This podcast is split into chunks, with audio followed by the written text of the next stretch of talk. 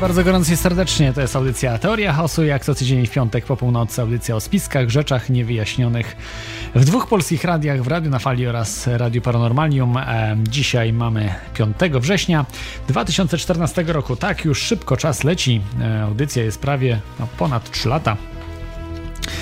E, dzisiaj jeszcze o temacie jeszcze chwila, natomiast chciałbym powiedzieć, że możecie wejść na stronę dwóch radiów, czyli radionafali.com lub paranormalium.pl. E, tam dużo informacji, dużo innych audycji, które, które bardzo e, polecam. E, I polecam także stronę audycji teoriachaosu.com. Chciałbym podziękować sponsorom, którzy wpłacili na audycję tutaj przez okres wakacyjny. E, tutaj szybciutko przeczytam e, te osoby. Bardzo, bardzo wielkie dzięki za e, Wasze wpłaty. To jest w lipcu audycję sponsorowali Armor Cage, Bishop, Katarzyna, Marek, Mariusz, Mateusz, Paulina. W sierpniu sponsorami audycji byli Blom, Kale, przepraszam, Kaledrian, Katarzyna, Krzysztof, Magdalena, Mariusz, Mateusz, Michał, Oktawian, Paulina, Radek, Rafael, Shutdown. E, mam nadzieję, że to wszystkie osoby. E, część już było też wpłat na okres wrześniowy, także dziękuję jeszcze raz. Dziękuję także, że jesteście z tą audycją, słuchacie. Nie zawsze oczywiście ze wszystkim można się zgadzać, ale myślę, że większość e, rzeczy jest jednak prawdziwa na nieszczęście. Tutaj mam jeszcze trzy newsy, które chciałbym podać Wam, bardzo ciekawe. E, pierwszy news to jest e, sprawa, że kanadyjscy pszczelarze z powodu śmierci swoich pszczół e, pozwali dwie korporacje Bayera i Syngenta. Tej drugiej to w ogóle nie znam, ale dwie korporacje, które wytwarzają środki chemiczne do ochrony roślin, no, wpływają bardzo negatywnie na pszczoły. Także to są bardzo poważne sprawy, bo gdy y, pszczoły nie mogą zapylać e, roślin, y, po prostu plony y, są dużo gorsze, a pszczelarze też tracą po prostu pieniądze na, na tym, że no, nie mają miodu, tak? Nie mają miodu, nie mają pieniędzy także z, zapylania. Kolejna taka ciekawostka, mniej sprawdzona troszkę, że pod zachodnią Antarktydą są tunele i to podobno bardzo wielkie wielkości nawet chyba kilkudziesięciu y, metrów. To podała y, gazeta y, Daily Mail z Wielkiej Brytanii, podobno mało wiarygodna. Nawet podobno do, do 300 metrów dochodzą te tunele, także jakieś zupełnie kosmiczne rzeczy. E, nie wiem ile w tym prawdy, no jest niby, są jakieś zdjęcia na, na, na stronie Daily Mail, ale ile w tym prawdy jest, że coś takiego jest, no nie wiem. Te tunele nie zostały zaprezentowane na zdjęciach, więc może być to zupełnie wyssane z palca. E, I trzeci news bardzo ciekawy. Naukowcy po raz pierwszy dokonali komunikacji mózg-mózg, e, gdzie próbowali naśladować zjawisko telepatii, wykorzystując oczywiście urządzenia elektroniczne w pełni. I to ciekawe, przeprowadzono w Indiach, więc nie w jakichś Stanach, Japonii czy innych bardzo rozwiniętych krajach, ale kraju trzeciego świata, które, który jednak, myślę, do tego drugiego świata dąży i w niektórych już na pewno działkach, w niektórych miejscach e, na pewno e, jest. E, są duże dysproporcje oczywiście w Indiach, bo są bardzo rozwinięte regiony, bardzo też zaawansowane uniwersytety, jak i też miejsca, gdzie jest właśnie ten trzeci świat absolutnie widać. No, to kraj prawie półtora miliarda ludzi, wyobraźcie sobie, więc mm, e, po prostu jest e, dużo miejsca na różne rzeczy. Dobrze, w tej chwili bym e, przeszedł do tematu dzisiejszej audycji. Dzisiaj bez cytatu, wyjątkowo. E, audycja dzisiaj jest wielotematyczna, prosto z Londynu, tak, bo dzisiaj jestem w Londynie, w Wielkiej Brytanii. Ze mną jest kapitan Radia na Fali, Tomek. Witam serdecznie wszystkich słuchaczy Radia na Fali, Witaj, Radia Paranormalium z Londynu. Prosto z Londynu. Pozdrawiam wszystkich serdecznie. Nie wiem, czy cię prze, przekrzyczę, bo jesteś bardzo, masz doniosły głos. I don't know, that just happened, man. E, także e, jeśli macie pytania, proszę dzwońcie. To jest telefon, e, czy właściwie kontakt skype'owy toriachaosu.com lub telefon 33 482 72 32 lub macie jakieś różne sprawy ciekawe. Mamy kilka bardzo ciekawych tematów. Chciałbym zacząć od E, odpowiedzenia, co się dzieje w Londynie. No w Londynie wiadomo, dużo osób, e, dużo osób e, e, ogólnie mieszka, tak? To jest ponad 10 milionów, jeśli się nie mylę. E, no oficjalnie mieszka tam chyba 8 milionów, ale w rzeczywistości jest około 20 paru milionów ludzi, którzy mieszkają w okolicach Londynu i właściwie spędzają tu cały czas. No masa ludzi, po prostu masa, gigantyczny tłok. Sam widziałeś chyba dzisiaj ten potężny tak. i to i tak byłeś w godzinach, kiedy nikogo nie było praktycznie, kiedy było teoretycznie pusto. Pusto, a jednak, jednak bardzo dużo ludzi e, było w tym mieście. E, wyglądało to trochę przerażająco, bo każdy był zajęty swoją sprawą w większości, także e, każdy gdzieś biegł. W, w, pośpiechu, nie, nie zastanawiając się nad sensem życia i tego, co po prostu on robi. E, bo jak wiecie, jest w Londynie taka część Londynu, London City.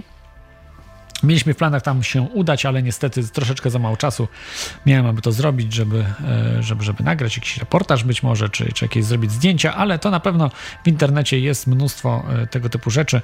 London City to przypomnę, że jest to centrum finansowe świata, tam się spotykają grube ryby, takie naprawdę bilionerzy po polsku bilionerzy, czyli ludzie, którzy są właścicielami banków, Rockefellerowie, Rothschildowie, Kunloeb, rodziny mm, Schiffów, prawda, i ro, także ludzi z Watykanu, bo oni też są bardzo wpływowi, rodziny królewskie, także są te rodziny bardzo wpływowe i e, tam właśnie odbywają się bardzo no, y, tajemnicze spotkania, a wręcz niektórzy mówią, że być może, być może dochodzi do, y, no, może to troszeczkę gołosłowne, ale są świadkowie, którzy twierdzą, że dochodzi nawet do morderstw e, morderstw okultystycznych, czy, czy właściwie takich um, aktów, ofiarnych, nie wiem jak to, jak to określić bardziej, ale e, takich e, satanistycznych wręcz. Po prostu większość z tych ludzi to są sataniści. Nawet ci ludzie z Watykanu bardzo często to są także wyznawcy y, diabła, no nie wiem, szatana. Ale o tym się chyba nie mówi w Londynie, prawda? O takich rzeczach. O pedofilii? E, mówi się troszeczkę, bo jest to teraz bardzo głośna sprawa i wyszły takie dokumenty, które mówią o tym, że ludzie z bardzo wysokich sfer i to nie tylko władzy, bo tu władza jest bardzo mocno sklejono, sklejona z, rodzin, z rodzinami szlacheckimi tak zwanymi. No i trochę wychodzi tych rzeczy, jest ich masa aktualnie, także no jest taka próba tuszowania tego, jak sam zauważyłeś, e, taki bardzo ciekawy news pod tytułem zagrożeń terrorystycznych i to jest taka o, tak. właśnie próba tuszowania tego, że tu za chwilę Szkocja nie będzie w Anglii, że w Anglii rządzą pedofile i że, cie, że BBC to właściwie zajmuje się kryciem pedofilii. No w ogóle skandal, skandal za skandalem, można powiedzieć. Hmm. E, to, to jest ciekawa sprawa, bo jest ten news, że potwierdzono wysokie zagrożenie atakiem terrorystycznym w Wielkiej Brytanii. Oczywiście chodzi o islamistów tak zwanych, czyli muzułmanów, e, przedstawicieli bardzo takich fundamentalistycznych odłamów religii muzułmańskiej. E, no, najbardziej, jak wiadomo, najprawdopodobniej, o tym też Snowden mówił, że najprawdopodobniej to są Y, ludzie, ludzie, którzy pracują dla wywiadu brytyjskiego, amerykańskiego i izraelskiego. To jest nie, tak jak ISIS całe. Okay, odbieram telefon? Tak jest, tak jest. Pierwszy Odbieram. telefon. E, witaj słuchaczu, jesteś na antenie. Skąd dzwonisz do nas? E, Okej, okay, już jesteśmy. Halo, halo? Halo, halo, halo słychać mnie? Tak, słychać. E, dobry wieczór Tomaszu, dobry wieczór Klaudzie. Mm, miałem do Was małe pytanie. Czy wiecie może coś o wolnomularskich kanałach metrze umieszczonym w Londynie? Wolnomularskie kanały w metrze w Londynie? No nie wiem, brzmi trochę jak Harry Potter, powiem szczerze. Jest masa opuszczonych kanałów e, wszędzie, w każdym mieście, w którym jest metro, które ma w okolicach 100 lat. W Londynie jest masa takich miejsc. Możesz sobie kupić na przykład starą stację metra, jeżeli masz taką ochotę. To kosztuje oczywiście fortunę, ale możesz tam sobie zrobić po prostu mieszkanie. Jest, e, te wejście do metra z reguły zablokowane i zamknięte. No jest masa, że tak powiem, odłączonych stacji i odłączonych kanałów, które teraz są wykorzystywane jako albo magazyny, bardzo często. Teraz jest taki w ogóle numer, że jest firma, która zajmuje się obsługą tych kanałów i co robią? Wynajmują te kanały mm, na potrzeby trzymania tam papierów i dokumentacji. Jeżeli masz dużą firmę, która ma na, naprawdę potężne archiwa i nie masz gdzie tego trzymać, to generalnie możesz tam trzymać. Jakby nic na temat... Masoneria ma tu swoje normalne świątynie. To nie są ludzie, którzy w Londynie kryją się po kanałach, absolutnie. To jest absolutnie legalne w Londynie. No masoneria rządzi tym krajem. Także nie ma tu, tu takiej opcji, że, że wiesz, że ktoś się musi chować po kanałach.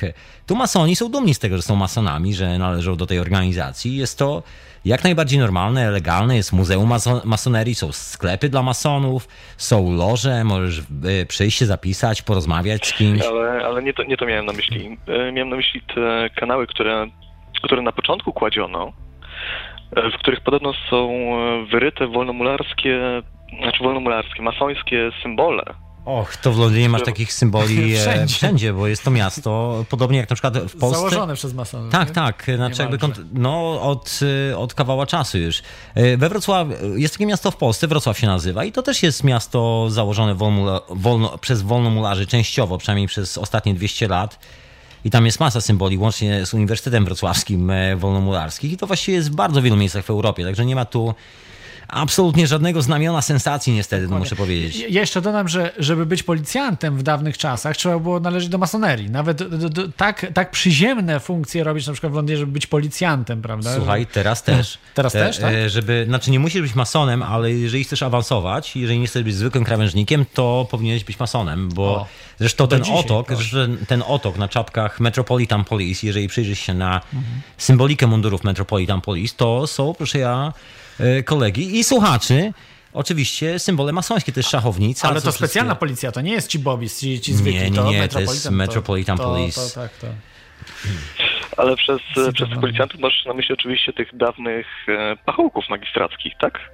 No, e, policjant to jest policjant. Czy również obecną policję. No, obecną policję, no właśnie obecną. Metropolitan Police, tak to się nazywa. Kiedyś wszyscy musieli być, a dzisiaj po prostu, żeby awansować, prawda? Czyli, czyli już na wyższe stanowiska raczej.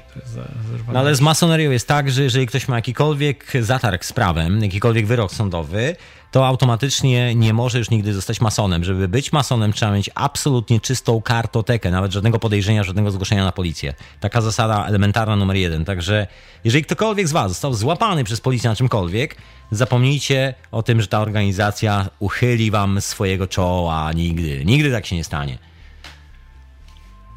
Czyli tak jak mówisz, żeby na niskich stopniach, żeby się dostać do policji, można być oczywiście e, pierwszą szansą z, z ulicy, pomijając fakt, że nie można mieć żadnych tam zatargów z policją, ale na, na wyższe stopnie w policji to w tym momencie trzeba dołączyć do, do loży masońskiej, tak? Żeby zostać policjantem, możesz mieć zatarg z policją, to nie jest problem. Jest masa ludzi, która na przykład, ja mam taką znajomą tu w Londynie, która jeszcze za czasów e, Summer of Love, 94, 95 rok, jakoś tak, 92 jeszcze, czyli eksplozji substancji psychoaktywnych w Londynie i rejwów, które trwały praktycznie przez cały czas. No miała kilka zatargów z policją, bo to czasami miała coś w kieszeni, tu czasami paliła coś, co jest nielegalne i została policjantką. Y, nie ma z tym absolutnie żadnego problemu, natomiast kwestia awansu stoi pod bardzo dużym znakiem zapytania. To jest jedna rzecz, przynajmniej jeżeli chodzi o takie bardzo poważne awanse. Nie mówię o takich rzeczach, że tak powiem, administracyjnych, bo to jest jakby takie słabo istotne, Natomiast y, przystąpienie do masonerii jest automatycznie związane z tym, że no nie można mieć żadnego rekordu policyjnego. Absolutnie. To z, zapomnijcie. Absolutnie żadnego? Absolutnie żadnego. No, jesteś sprawdzany, dlatego to jest taka prosta, elementarna rzecz. Jeżeli chcesz być masonem, nie możesz mieć zatargów z prawem, ponieważ jest to, no tak to działa, tak to jest organizowane, od zawsze właściwie. Przynajmniej w Anglii. To jest masoński kraj. No wyjątkowo, chyba najbardziej ze wszystkich na świecie. Tak, tak, to jest, stoli- to jest właściwie stolica tak. masonerii, jeżeli można... No Waszyngton jest określany jako drugie takie miejsce, ale tam jest taka amerykańska masoneria, to troszkę co innego. Tam są różne odłamy, Skulls and Bones, prawda, jakieś tam... Takie, tam jest bardziej sekciarstwo, tak, tu jest tak. bardziej taka masoneria, masoneria wywodząca się jeszcze z Różą Krzyżowców.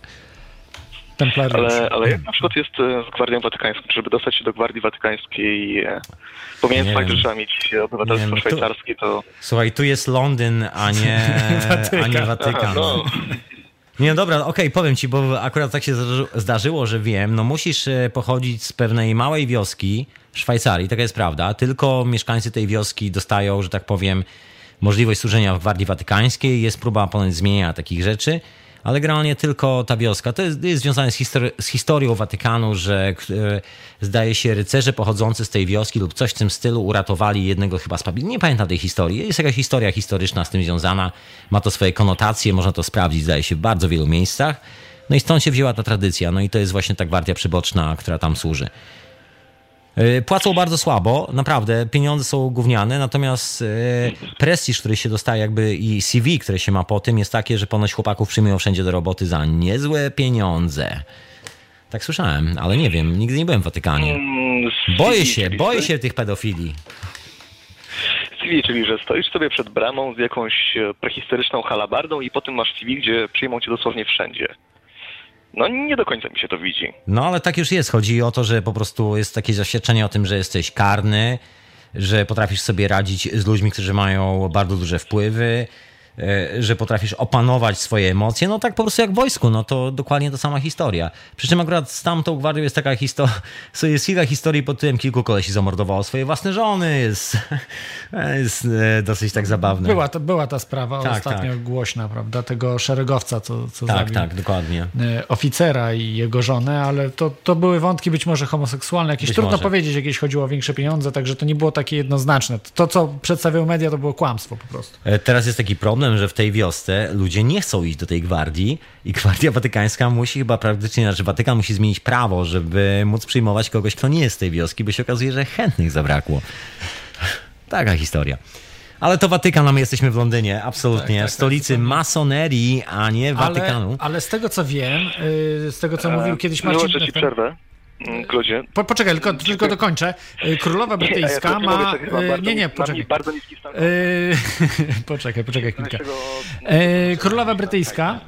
Królowa Brytyjska nosi znak zakonu maltańskiego, a zakon maltański podlega pod papieża, więc to jest ciekawa sprawa. No jest, jest taka ciekawa historia z tym. E, Czyli w tej chwili mówisz, że, że brytyjska rodzina królewska podlega papieżowi? Nie, nie twierdzę, ale mówię, że są poszlaki, że może nie, tak pa- Nie być. papieżowi, po prostu Watykanowi? to jest biznes, właściwie taki sam, oni są właściwie na tej samej równej pozycji, równa hierarchia, dokładnie. Ja tak uważam, że pod Watykan podlegają, ale, ale mogę się mylić. Ja nie mam dowodów na to. Ja, ja twierdzę, że to jest równa hierarchia. To jest po prostu tak samo, jakbyś na przykład zakładał firmę i masz po prostu wspólnika w biznesie.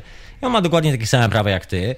Brytyjska królowa jest głową kościoła anglikańskiego i no poniekąd też głową e, masonerii, tak nieformalnie, no bo to też jest związane z brytyjskim tronem bardzo mocno, ponieważ tu wykopano jezuitów w, w 1200 roku Przepraszam, jakoś tak. Przepraszam, ale ja się w tej chwili rozłączam, mam niski stan konta, więc czego zadzwonię później Dobra. na Skype'ie, Mhm. jeśli można. Zapraszamy bardzo. Tak więc e, dobranoc i być może do później. Do później zatem. E, Także to był e, słuchacz z prawdopodobnie Polski albo Watykanu, nie wiemy. Z prosto z telefonu przede wszystkim. Gdzie kończył się czas na Skype'a. Tak, bo to dużo kosztuje. Telefon, nie, żartuję. Oczywiście e, telefon 33 482 72 32 i em, e, nie, ma, e, nie ma opłat jakichś wygórowanych, są opłaty zwykłe. Tutaj jest sprawa jeszcze z tą Wielką Brytanią. Mam jeszcze jeden telefon. Odbieramy? Dobrze. Odbieramy. Halo, halo, witam serdecznie. Tam momencik, że wyciszam. Sekunda. Tak, tak. Skąd dzwonisz do nas, słuchaczu? E, Nie mogę zdradzić tego, to jest tajemnica. Ale z Polski? Widzę na twoim... Wisły? Przyznam się szczerze, że twój awatar to jest e, pentagram odwrócony do góry nogami. Janie... Z, pieku, z piekieł rodem. Dokładnie. Ja chciałem się zapytać, bo poruszyście ciekawy temat masonerii i że łatwo się dostać do masonerii. Ja bym chciał się dowiedzieć, jak się dostać do tej masonerii, bo chciałbym zostać na przykład masonem. No nie jest łatwo się dostać, to nikt tego nie powiedział. Tak słyszałem taką opinię przed chwilą, czy, że, jak, że wszyscy policjanci są z masonerii w Londynie, a skoro policjantów jest dużo, Metropolitan Police. e, Chodzi głównie o nie wszyscy, tylko jeżeli chcesz awansować, to musisz należeć do masonerii, co nie znaczy, że łatwo jest dojść do e, zostać członkiem masonerii, to jest pierwsza rzecz.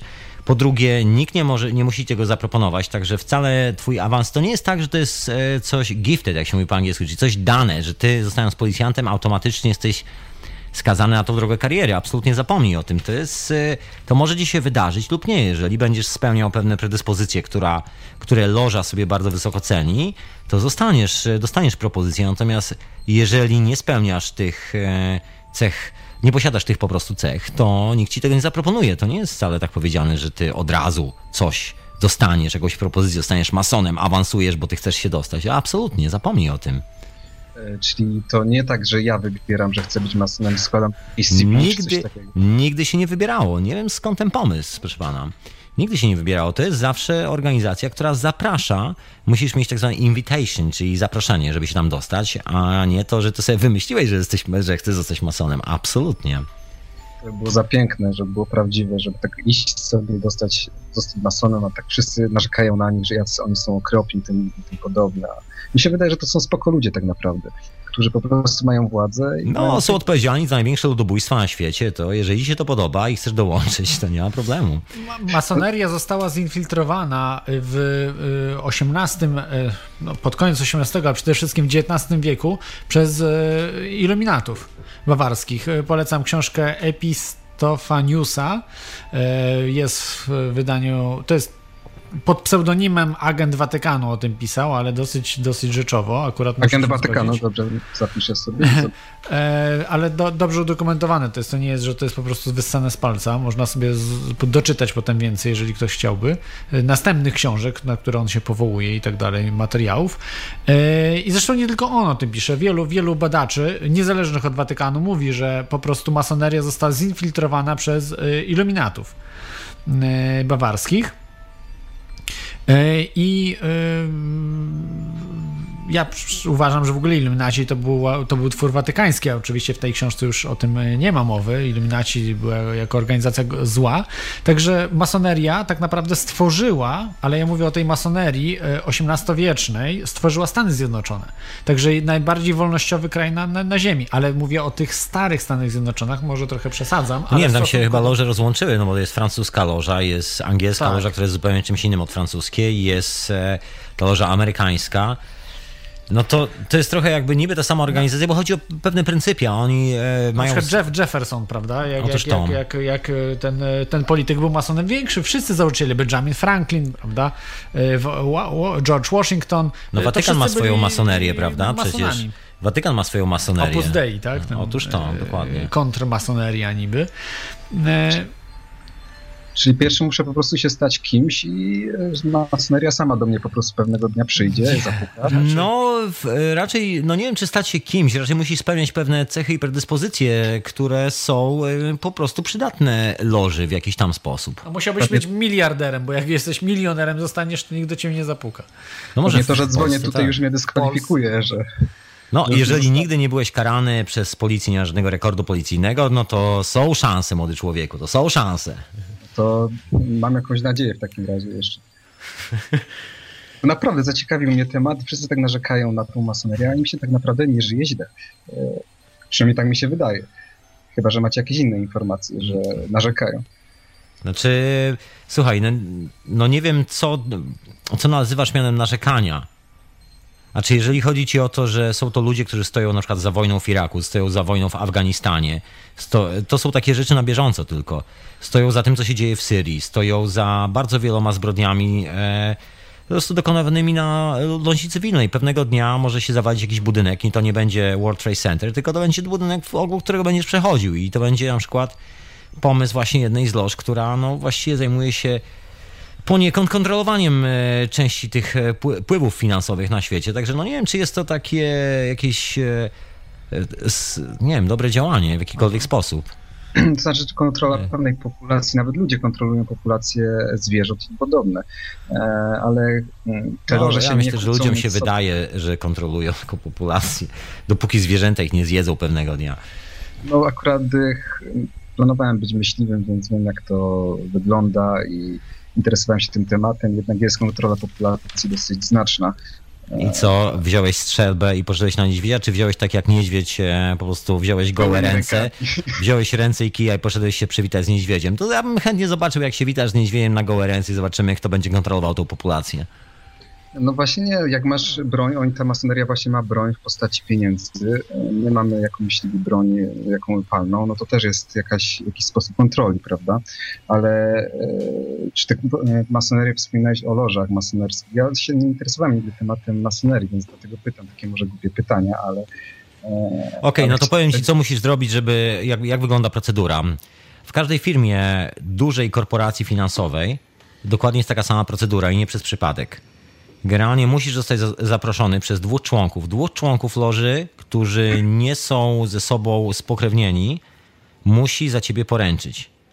To nie jest tak, że jedna osoba cię wprowadza do loży, są dwie osoby, które cię muszą, że tak powiem, przedstawić i one jakby ręczą za twój pierwszy okres w tej organizacji. Cokolwiek się stanie, jakąkolwiek gafę nie pacniesz, e, się nie wygadasz albo coś zrobisz, oni jakby ręczą za ciebie swoją odpowiedzialnością. Jeżeli naprawdę chcesz dołączyć do loży, to powinieneś przyjechać do Londynu, zacząć pracować dla City.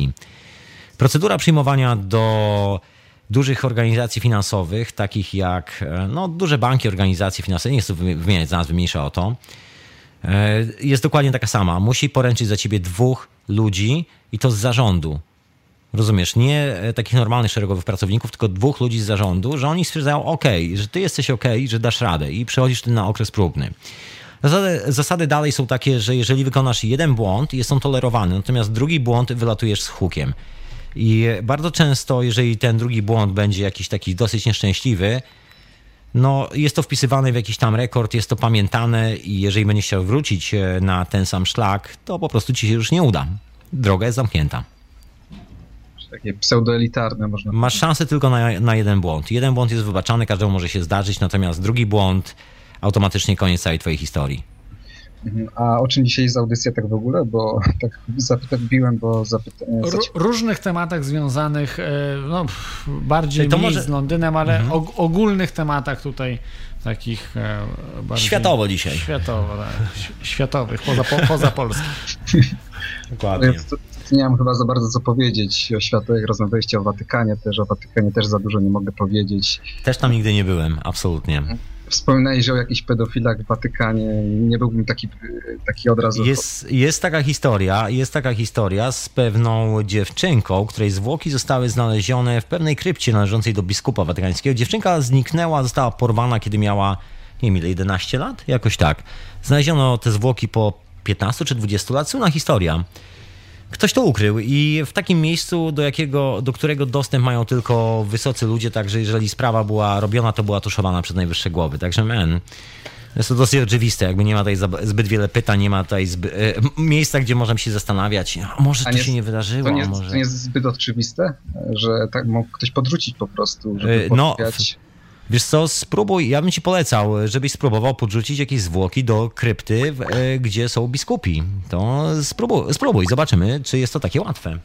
Czyli sugerujesz, że największe głowy papieży i tym podobne to są pedofile, tak? E, Myślę, że są bardzo mocno związani ze skandalami pedofilskimi. Myślę, że część z nich absolutnie. Okej, słuchaj, mamy następny telefon, także Dobra. jeżeli mogę, to Dzięki. ja cię wyłączam. Dzięki wielkie. Dzięki, Sia. Sekundę, poczekajcie. Dobrze, i odbieramy następny telefon. Halo, halo, witam serdecznie.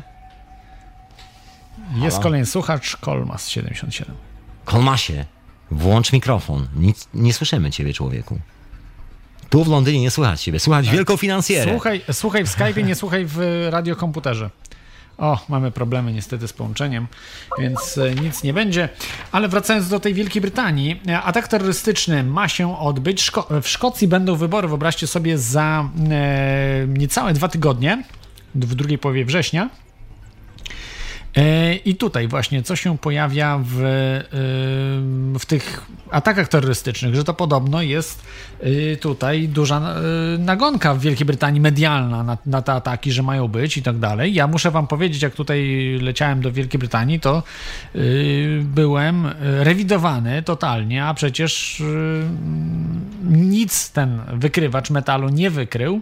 Ja się zapytałem, czy to tak, tak no, dlaczego zostałem z kontroli. Nie chcieli mi nic udzielić oczywiście. Więc e, E, więc taka, taka dziwna, dziwna sprawa. Tak, tak, tak. Od, jest, jest jeszcze raz. Kolmas 77. E, Witaj słuchaczu. Jesteś Jesteś w radiu, na Halo, czy antenie. mnie słychać? Idealnie, Tak, bardzo idealnie. Bardzo dobrze cię słychać. Witam No serdecznie. witam, witam. No fajna audycja, właśnie próbowałem się dozwonić. Jesteś na antenie, tak. Y, Czy, czy masz pytanie jakieś, czy jakieś y, A może ciekawe coś- newsy? A może coś wiesz o masonerii?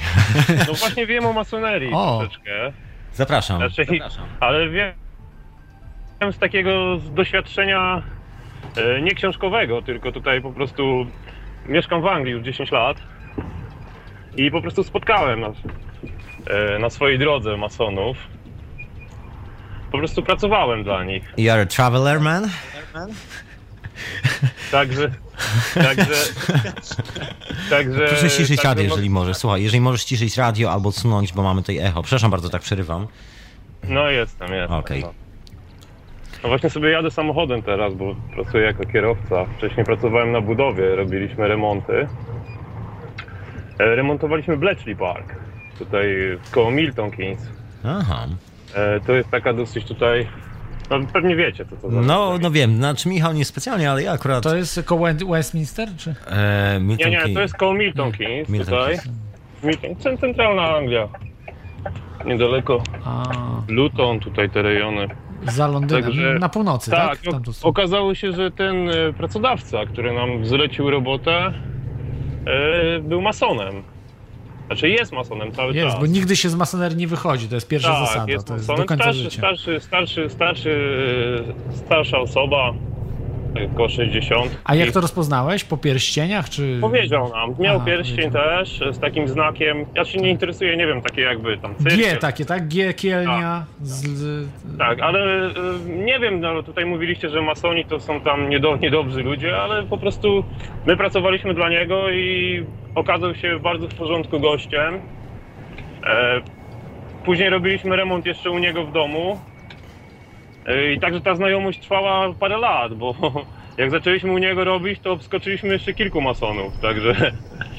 Nie, słuchaj, szczerze- są to bardzo inteligentni, niesamowicie sympatyczni mi ludzie, też nam e, kilku, ale to nie, jakby wiesz, nie zwalnia to organizacji od odpo- odpowiedzialności za to, w czym macza, macza palce.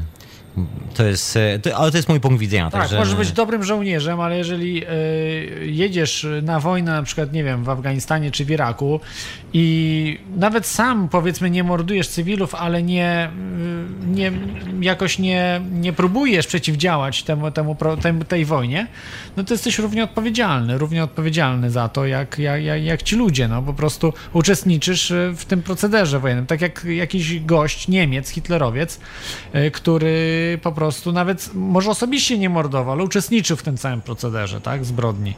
E, Czy strażnik na przykład w Oświęcimiu, który nie mordował ludzi, ale był strażnikiem, prawda, no też był odpowiedzialny za to. To nie, nie ma tak, że nie ma odpowiedzialności, prawda, więc, więc e, ci masoni też są za to odpowiedzialni, co robi cała organizacja. No. Ale inna sprawa, o czym słuchaczu wspomniałeś, jest tu, jest tu taka rzecz, bo faktycznie masz rację z jedną sprawą, że jakby masoneria tu jest czymś bardzo normalnym.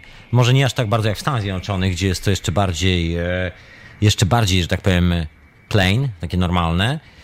I nikt się tego tutaj nie wstydzi i masa ludzi należy do takich lokalnych loż, które właśnie nie mają żadnego specjalnego wpływu, no poza tym, że są oczywiście, podlegają tym wielkim lożom. Tak, to prawda, zgadzam mi się się absolutnie. właśnie wydawało, że to jest jakiś ich tutaj też st- styl życia po prostu. Ja jak robiliśmy u, nie, u niego tam remont w domu, także nie, nie pamiętam, który to dni tam piątki, czy, czy jakiś tam dzień, zawsze po prostu mieli te spotkania swoje, to on tam zawsze wyjeżdżał, to właśnie mówił, że jedzie na to spotkanie Halo, halo? Mhm. masońskie, także to... Ha, halo, halo, tak? E, Słychać słuchajcie, słuchajcie, okej. Coś przerwało. Tak. Jest okej. Tak, no bo ja jadę, ja jadę ciężarówką. Tak. Człowiek w drodze, to zapytam cię hasłem masonów. You're a traveler? Nie, Czy dostałeś propozycję? Czy dwóch ludzi ci zaproponowało? Zapytało się, czy jesteś może podróżnikiem? nie, nie, nie, nie, nie, nie.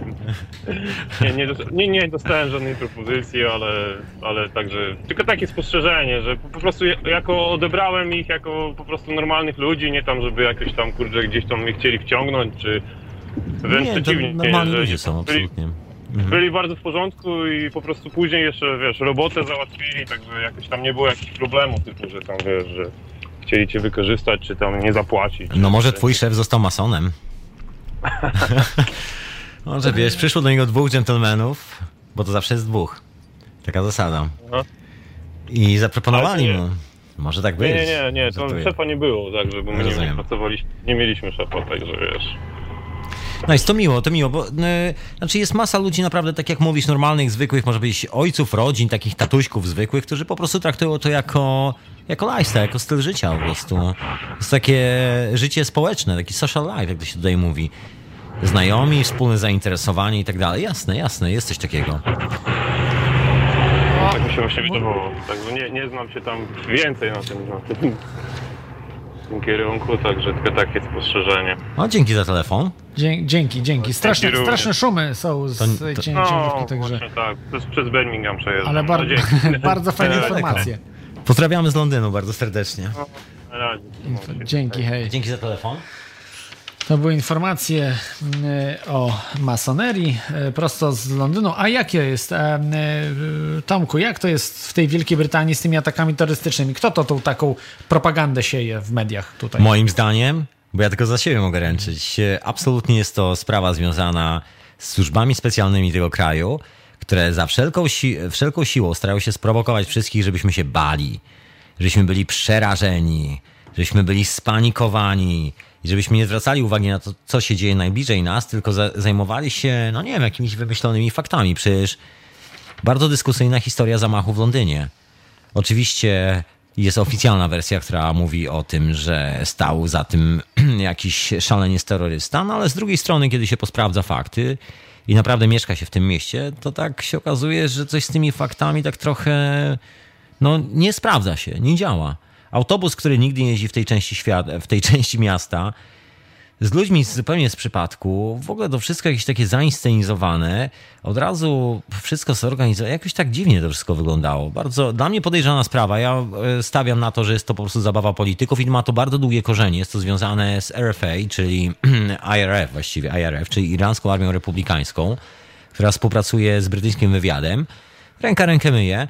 I kiedy Margaret Thatcher dochodziła do władzy, IRA robiło takie potężne wybuchy bombowe w wielu miejscach, łącznie z Dublinem zresztą. Ostatni chyba wybuch był w 95 czy 6 roku na, e, w centrum Dublina, gdzieś przy O'Connell Street czy jakoś tak, nie pamiętam już. No ale to nie, nie IRA robiła, tylko chyba Brytyjczycy. No, w IRA zajmuje się, generalnie żyje z tego, że szmugluje wszystkie rzeczy, które są nielegalne, łącznie z bronią przede wszystkim. I ale to jest ale takie... w, w, Dubli- w Londynie chyba, IRA w Londynie robiło, a w, w, W Dubli- Dublinie też, w Dublinie Nie, też, w w Manchesterze.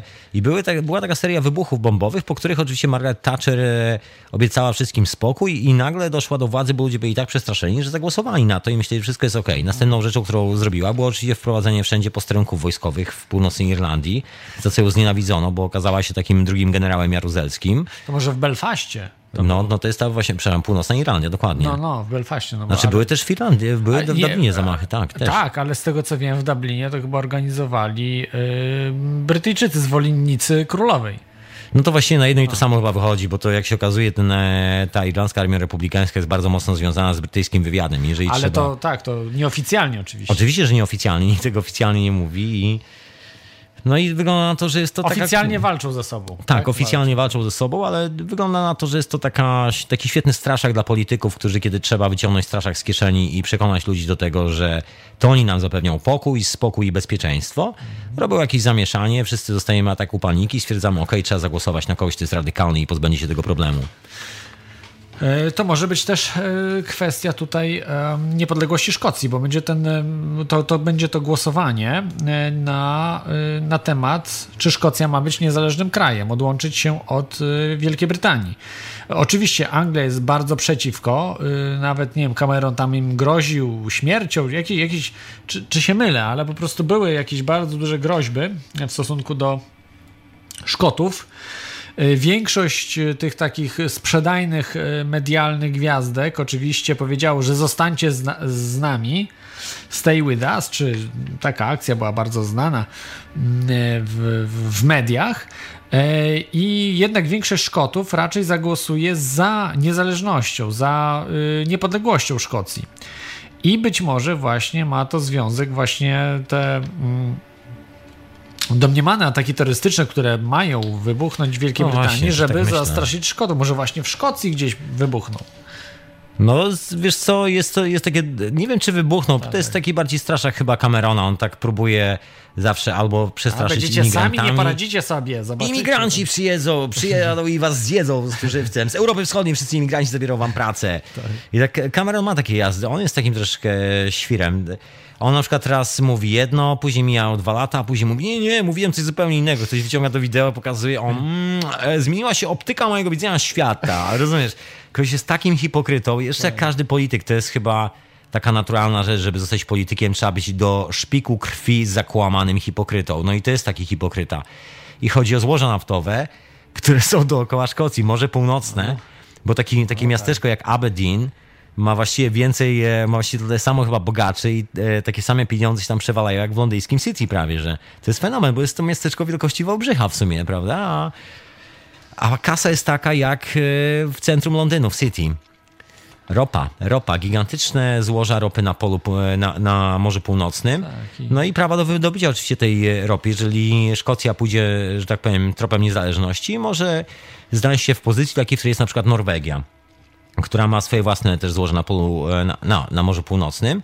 No i tam na przykład każdy obywatel ma po prostu wystarczająco, że tak powiem, e, setupu, nie wiem, takiego wsparcia od państwa, że nie musi się za bardzo o niczym martwić. Państwo ma specjalny budżet na to. Dostaje się samochód, mieszkanie, prawda, od państwa. No może nie tak do końca dostaje, ale generalnie no, można tak się Tak, zorganizować, nie, żeby... Z tego co wiem, jeżeli jesteś Norwegiem, dostajesz. To, to raczej nie masz problemu z tym. Tak, także ta, ta, takie rzeczy. No i, i tutaj Szkoci pewnie. E, no nie podoba im się to, że, że w większości Anglicy korzystają. To jest zresztą podobnie w Rosji. Tak samo teraz Sybiracy też protestują, że e, po prostu e, no, tam jest ropa, tam jest ten gaz, który, e, który e, po prostu jest czerpany e, a fundusze idą do Moskwy, prawda? Nasze fundusze, no zyski, zyski idą do Moskwy, więc, więc to jest nie na rękę ludziom Syberii i właśnie y, oni przede wszystkim protestują. Mamy tak samo jest w Szkocji, tak. Słuchaj, mamy telefon, Kolejny odbieramy. telefon, odbieramy oczywiście. E, więc, więc to jest ciekawa sytuacja. Halo, halo, witam serdecznie. Witaj słuchaczu, skąd dzwonisz? E, Dobry wieczór, dzwonię z Bydgoszczy. Dobry wieczór. Witam serdecznie, pozdrawiam w ogóle bardzo serdecznie. Pozdrawiam Bydgoszcz. Dziękuję. E, Słychać mnie? Bardzo Idealnie, dobrze. idealnie. Tak, jesteśmy na antenie, absolutnie. Aha, aha, no to już chciałem wyciszać, ale dobrze. Ja chciałem powiedzieć o tym, więcej o tym Cameronie, e, bo uważam, że on ma duży problem z tym, żeby powiedzieć, co go tak naprawdę boli przez poprawność polityczną. I gdy na przykład chodzi mu o socjal dla muzułman, socjal dla muzułman, a mówi, że chodzi o socjal dla Polaków. Wiesz co, no, powiem ci, co ja myślę, e, z czym ma problem Cameron. Cameron w swojej deklaracji podatkowej jako prime minister zadeklarował niecałe 9 milionów funtów swoich pieniędzy. Z czego oczywiście jest tam wliczona wartość nieruchomości w Londynie, która wynosi tam w okolicach e, 5 milionów i tak dalej, i tak dalej. A oczywiście nikt o tym głośno nie mówi. Ojciec Camerona jest właścicielem e, funduszu, takiego specjalnego funduszu finansowego, który zajmuje się wypompowywaniem pieniędzy do rajów podatkowych. I wartość pieniędzy rodziny Cameronów to jest nie 9 milionów dola- e, funtów, tylko to jest w okolicach 100 milionów funtów i to się nazywa offshores. Czyli to są właśnie takie fundusze, pranie po prostu pieniędzy gdzieś na Wyspach Owczych, gdzieś tam na wszystkich rajach podatkowych. Także to jest człowiek, który nie płaci ani grama podatków Anglii. A żeby jak na ironię, największym chyba dowcipem tej całej sytuacji jest e, premierem tego kraju. Rozumiesz? To jest e, taka chyba największa hipokryzja, na jaką się można zdobyć. I ludzie tu wiedzą o tym. E, Facet jest spalony. Wiadomo, że nie wygra następnych wyborów, bo jest kretynem. Po prostu jest kretynem. Jest takim kolesiem wytresowanym w prywatnych szkołach, który no słabo się ogarnia. E, Klasyczny numer Camerona to to, jak z żoną wychodzą do pubu, to to, że ochroniarze później, e, na co zawsze polują paparazzi, muszą wracać po dzieci, bo Cameron na przykład zapomina wziąć swoich, swojego małego dziecka, które zostaje w pubie, nagle później fuck. Rozumiesz, po prostu koleś jest naprawdę młotem, takim naprawdę młotem. Prosty, prosty chłopak dynamitem od pługa oderwany, który po prostu pochodzi z rodziny, która ma 100 milionów funtów, także stać się było rodzinie na to, żeby syn został prime minister. Tak, ale wygląda na takiego No, on, on jest taki po prostu. Zresztą wystarczy posłuchać tego kolesia, naprawdę. Biedny człowiek. Taka jest moja opinia. I interesy No, z ja szejkami arabskimi, interesy z Abu Dhabi przede wszystkim, bo to jest gigantyczna suma pieniędzy, która się przewala przez Londyn. To są e, wszystkie te brudne pieniądze z handlu bronią, które są czyszczone przez handel ropą, które pochodzą z Saudi Arabii i tak dalej. Także to jest taka historia też do tego wmieszana. Jest taki duży budynek w Londynie, nazywa się Shard. Shard oznacza po angielsku ścięcie szkła, to jest ułamanie tafli szkła. I e, ten budynek e, to są pieniądze z Abu Dhabi, Saudi Arabia. Tam, gdzie normalnie się ścina ludzi za to, że na przykład mają inne poglądy i robi się z tego wielki show. I nie ma z tym żadnego problemu, że tam się dzieją takie rzeczy. Tak, taka trzecia Rzesza numer dwa, która tak sobie funkcjonuje radośnie. Nie ma problemu. Po prostu każdy Adolf Hitler może przyjechać, e, podać rękę Cam- Cameronowi, wpłacić e, w okolicach nie wiem, miliona, może dwóch, może trochę więcej na partię konserwatystów i automatycznie zostaje dobrym wujkiem i już wszystko jest ok i może sobie budować e, nieruchomości, które mają e, niesamowite wysokości w centrum Londynu. Bardzo cyniczna historia. Naprawdę jest to bardzo cyniczny świat, w którym liczą się bardzo pieniądze i ludzka chciwość. Nie ma tam ani grama refleksji na temat y, co działa dla ludzi, co działa dla nas wszystkich, o co tu w ogóle chodzi, co będzie pożyteczne. No nie wiem, taka jest moja refleksja z mieszkania w tym mieście, które kocham swoją drogą. To piękne miasto. Poważnie. To jest mój dom.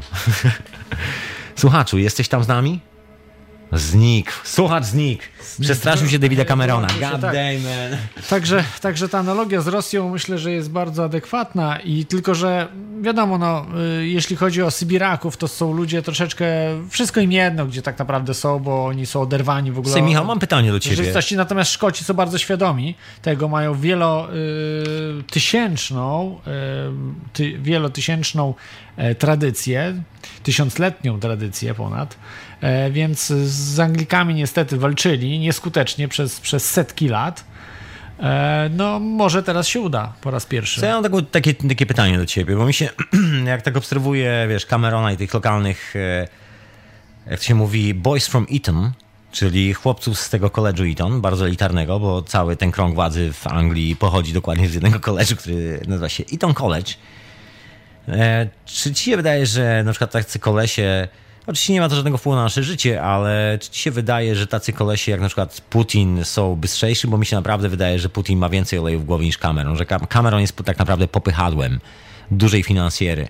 On sam nic sobie nie znaczy, Tak, to jest po prostu tylko- popychadło. E, Zgadza się, tylko że y, Cameron po prostu ma mniejsze możliwości działania niż y, Putin. To prawda. Y, I dlatego, Szczęśliwie. no szczęśliwie, oczywiście, bo jeżeli by miał takie możliwości jak Putin, Cameron by robił równie potworne rzeczy, jeśli nie gorsze. E, Więc y, to są, to są naprawdę psychopaci. Większość z tych, z tych gości to są psychopaci, e, którzy powinni być albo leczeni, albo nie wiem, no, za, zamykani w jakichś różnych miejscach, bo są e, niebezpieczni dla e, innych ludzi. E, Tak samo, tak samo Putin podejrzewam, gdyby nie był e, prezydentem czy kagiebistą, czyli legalnie miał e, różne możliwości legal, legalnie mordowania ludzi, e, to byłby jakimś tam przestępcą, no po prostu. W mafii może by działał. No. Być może. Coś takiego, Całkiem no. prawdopodobne. A Cameron chyba zbyt nieudачny jest na, na to. On tylko mógłby być tyranem w takim jest państwie, takim tyrańskim. Coś, on mi, wiesz, kogo mi Cameron przypomina? E, e, Al-Sada z, z Syrii. To jest ten właśnie taki typ człowieka, niby wykształcony, niby ten, ale jednak, jednak tyran, który po prostu morduje masowo ludzi. I Cameron e, jak najbardziej do tego by się e, nadawał. Myślę, że się na, nasze nadaje. No, to No jest, robią to, no, armia brytyjska jest w Iraku i w Ga- Afganistanie i w wielu innych miejscach w Afryce. W Iraku już chyba nie, ale w Afganistanie tak. Jest, jest w Iraku dalej. chyba nie Jest jakiś re regiment brytyjski A, królewskiej może. Tak, może tak. możliwe, ale w każdym razie mieli się wycofać. E, Tutaj mam jeszcze informację, e, co podał Snowden, że e, ten mm, taki terrorysta bardzo znany, kalif Abu Bakr al-Bah Baghdadi, Baghdadi e, jest, e, groził Rosji atakami terrorystycznymi, a tak naprawdę to jest człowiek, który jest e, agentem brytyjsko-amerykańsko-izraelskim. Także to jest wszystko po prostu powiązane. Słyszałeś o tych historiach z Syrii. Na pewno słyszałeś, że okazało się, że wszyscy ci rebelianci, O, ci... o ścięciach, tak? O ścięciach dziennikarzy? O Nie, nie, nie, nie, o rebeliantach. Okazało się, że wszyscy ci rebelianci, którzy są ISA, czy jak, jak to się nazywa? ISIS. ISIS, mają brytyjskie paszporty i są wyszkoleni przez No brytyjską tak. armię i przez SAS. I Izrael siedzi cicho. Nic nie mówi na temat ISIS. Czy Mamy przypadek? telefon, Tak, odbieramy. Przypadek? Oczywiście przypadek. Nie, Oczywiście. Witam serdecznie. Witam serdecznie. Słuchaczu, Halo, skąd witam dzwonisz? ponownie. A, witaj ponownie, słuchaczu. E, jeszcze miałem takie szybkie pytanie do, do Klauda. E, Klauda, tak. Nie wiesz, może, co się, nie wiesz może, co się dzieje z, e, z stałym słuchaczem? Yy, ma, po prostu jest na urlopie. Wysłał mi maila, że przeprasza wszystkich słuchaczy, ale niestety jest na urlopie i nie może, nie może brać udziału w audycji. Ale on urlop brał, zdaje się, dwa tygodnie temu i ten urlop miał trwać podoba mi się to. Teraz zaczynamy śledzić, co? Słychać, kiedy wziął urlop, a gdzie pracuje, gdzie mieszka, jak się nazywa, ile mleka wypił dzisiaj na śniadanie? I czy zjadł naleśniki. bo- Najlepiej, najlepiej żyjmy po prostu swoim życiem, a inni słuchacze niech sobie żyją swoim życiem. Tak myślę, że Dokładnie. będzie po prostu zdrowiej lepiej, bo, bo Stara angielska tradycja, po prostu bądźmy dżentelmenami i nie wpychajmy własnych sztućców noży do cudzego talerza, proszę O, pa, szanownego pana. dokładnie. Nie, no wiem i ja to rozumiem, ale no, po prostu przyznam, że audycje bez, bez stałego słuchacza to, to nie jest mimo wszystko to samo. No trudno, to po prostu musimy. Możesz pozdrowić swojego słuchacza. jedynie, tak. Możesz pozdrowić swojego słuchacza, on to na pewno odsłucha. Także Pozdrawiam tego słuchacza. Mam nadzieję, że szybko do nas wrócisz. Także dołączamy się do, do pozdrowień. nawzajem. Dobrze, to dziękuję. Dzięki. Dzięki. Dzięki za telefon. Em, Kolejna sprawa e, to jest e, właśnie ścięcie tych e, dziennikarzy. E, Właśnie, to jest... To jest ba bar bardzo ciekawa e, rzecz, bo e, ci dziennikarze, no po prostu takie rzeczy, które, takie rzeczy, które się odbywały w ostatnim czasie, właśnie to ścięcie dziennikarza i w tej chwili ścięcie kolejnego dziennikarza, domniemanego dziennikarza Stevena, Stevena, przepraszam, Sotlofa, i jest bardzo, bardzo dziwne. Ci dziennikarze się po prostu uśmiechają, e, ich rodziny zachowują się jak aktorzy. To po prostu jest. Słuchaj, widziałem wideo, okazuje się, że dziewczyna, która podawała się za jego siostrę, jest aktorką. No, no właśnie I gra wiem. w tym ja wiem, teatrem. Że to już takie- jest, ale ludzie dalej w to wierzą. Ja, ja nie rozumiem, że to już udowodnione jest, że to jest fałszerstwo, Są ale zdjęcia. ludzie dalej wie, wierzą, Widziałeś że to zdjęcia jest kolesia, fakt. ktoś zrobił zoom na jego twarz i porównał z oryginalną twarzą. No. Okazuje się, że facet, no, jakby przybył tak e, troszeczkę 60 kg do przodu, to taki i zmienił rysy twarzy przed operację plastyczną i nagle, no nie nie wygląda jak coś, oryginalny. coś niebywałego. I teraz jest kolejne ścięcie. Ci sami aktorzy, yy, no po prostu, ja nie wiem, yy, ludziom można pokazać wszystko. Po prostu we wszystko uwierzą dzisiaj. We wszystko, cokolwiek. No, że yy, nie wiem, że wylądowaliśmy na Marsie. I ludzie w to uwierzyliby. Gwarantuję wam, że jeżeli y, NASA robiłaby przygotowania przez rok, wysłała ludzi, sfilmowała to w studiu i pokazali, że są na Marsie, pokazali jakieś te różne zdjęcia, ludzie by w to uwierzyli.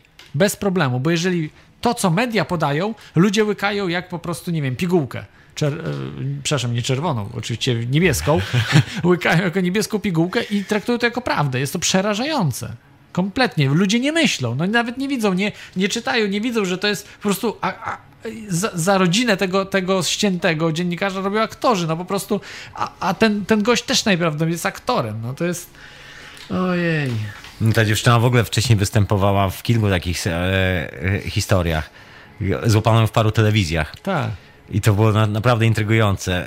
Było zabawnie, miała zawsze tą samą, bardzo podobną fryzurę, nawet nie za bardzo zmieniła fryzury i właściwie... Ale, ale jak oni mówili, no, to, to są nędzni aktorzy, bo oni się śmieli normalnie. Mówią o tym, że ścięto i jego bra jej brata i tam drugi tam aktor, który też mówi, że je, je, jego brata No to ścięto i oni się śmieją. wiesz co, no, to jest- prostu jest coś niebywałego. To jest no. coś, co Goebbels opisał w swojej książce na temat propagandy. I napisał, że właściwie są takie eksperymenty. Pamiętasz, e, na pewno widziałeś takie wideo dosyć popularne swego czasu. Kiedyś chyba o tym nawet rozmawialiśmy, że stoi człowiek z mapą. I podchodzi, podchodzi do ciebie człowiek z mapą, gdzieś na jakimś placu, w jakimś mieście, prawda? Pyta się, gdzie dojść na jakiś, e, w jakimś kierunku. Ty starasz się pomóc, w tym czasie przechodzi dwóch kolesi z lustrem pomiędzy wami, jakby wy się rozdzielacie i ten koleś jest podmieniany. I jest jakby inna twarz, wiesz. Oni mijają i ten koleś z drugiej strony to już jest inny koleś, ubrany tak samo, a nawet często inaczej ubrany. I ty jesteś za, za, zaintrygowany tą mapą, żeby mu wytłumaczyć o co chodzi. I w taki eksperyment psychologiczny okazuje się, że nasza percepcja jest bardzo, czasami bardzo krótka. I że liczy się tak naprawdę fakt medialny. Wiesz, nieważna jest twarz, Tak. nieważna jest postać. Taki bardzo prosty e, psychologiczny eksperyment. Jak bardzo szybko zapominamy twarz, jak bardzo mało uwagi zwracamy na to, czy naprawdę to, co widzimy, jest e, tą rzeczywistością taką naprawdę esencjonalną, czy też jest to tylko i wyłącznie gra aktorska odprawiana przed nami. No ale to widać tą grę aktorską, to po prostu każdy rozpozna. Ja, ja nie rozumiem, no wiem, że może ludzie oglądają jakieś te takie programy, ale ukryte sprawy, czy coś takiego w telewizji polskiej. To są, przypomnę, znaczy powiem słuchaczom, bo niestety yy, nie obejrzałem absolutnie żadnego do końca, tylko fragmenty widziałem, co to jest, żeby się zorientować. To są fikcyjne dokumenty, które są grane przez nędznych aktorów klasy D. Nawet nie C, tylko D. I to X, właśnie... YZ. I, i, ci goście przypominają te ukryte sprawy, no powiedzmy może C kategorii, nie D kategorii, tylko aktorów C kategorii, ale to naprawdę, to od razu widać, że to są aktorzy, że aktorzy nędzni. Ale ta sama aktorzy. sprawa była związana bardzo mocno z e, pierwszą inwazją na Irak, zrobioną przez e, George'a Busha, Busha seniora, gdzie okazało się, że ta kobieta, która mówi o tym, że iracka armia, armia Saddama Husajna, wjechała do Kuwejtu i porwała dzieci, bo od tego zaczęła się ta wojna, że porwano jakieś dzieci, porwano jakichś ludzi, zrobiono jakiś straszny dym, tak, tak prawie że ludobójstwo. No i wystąpiła kobieta w telewizji, która mówiła o tym, że to dzieci zostały porwane, skrzywdzone, że, że to Saddam i tak dalej, i tak dalej.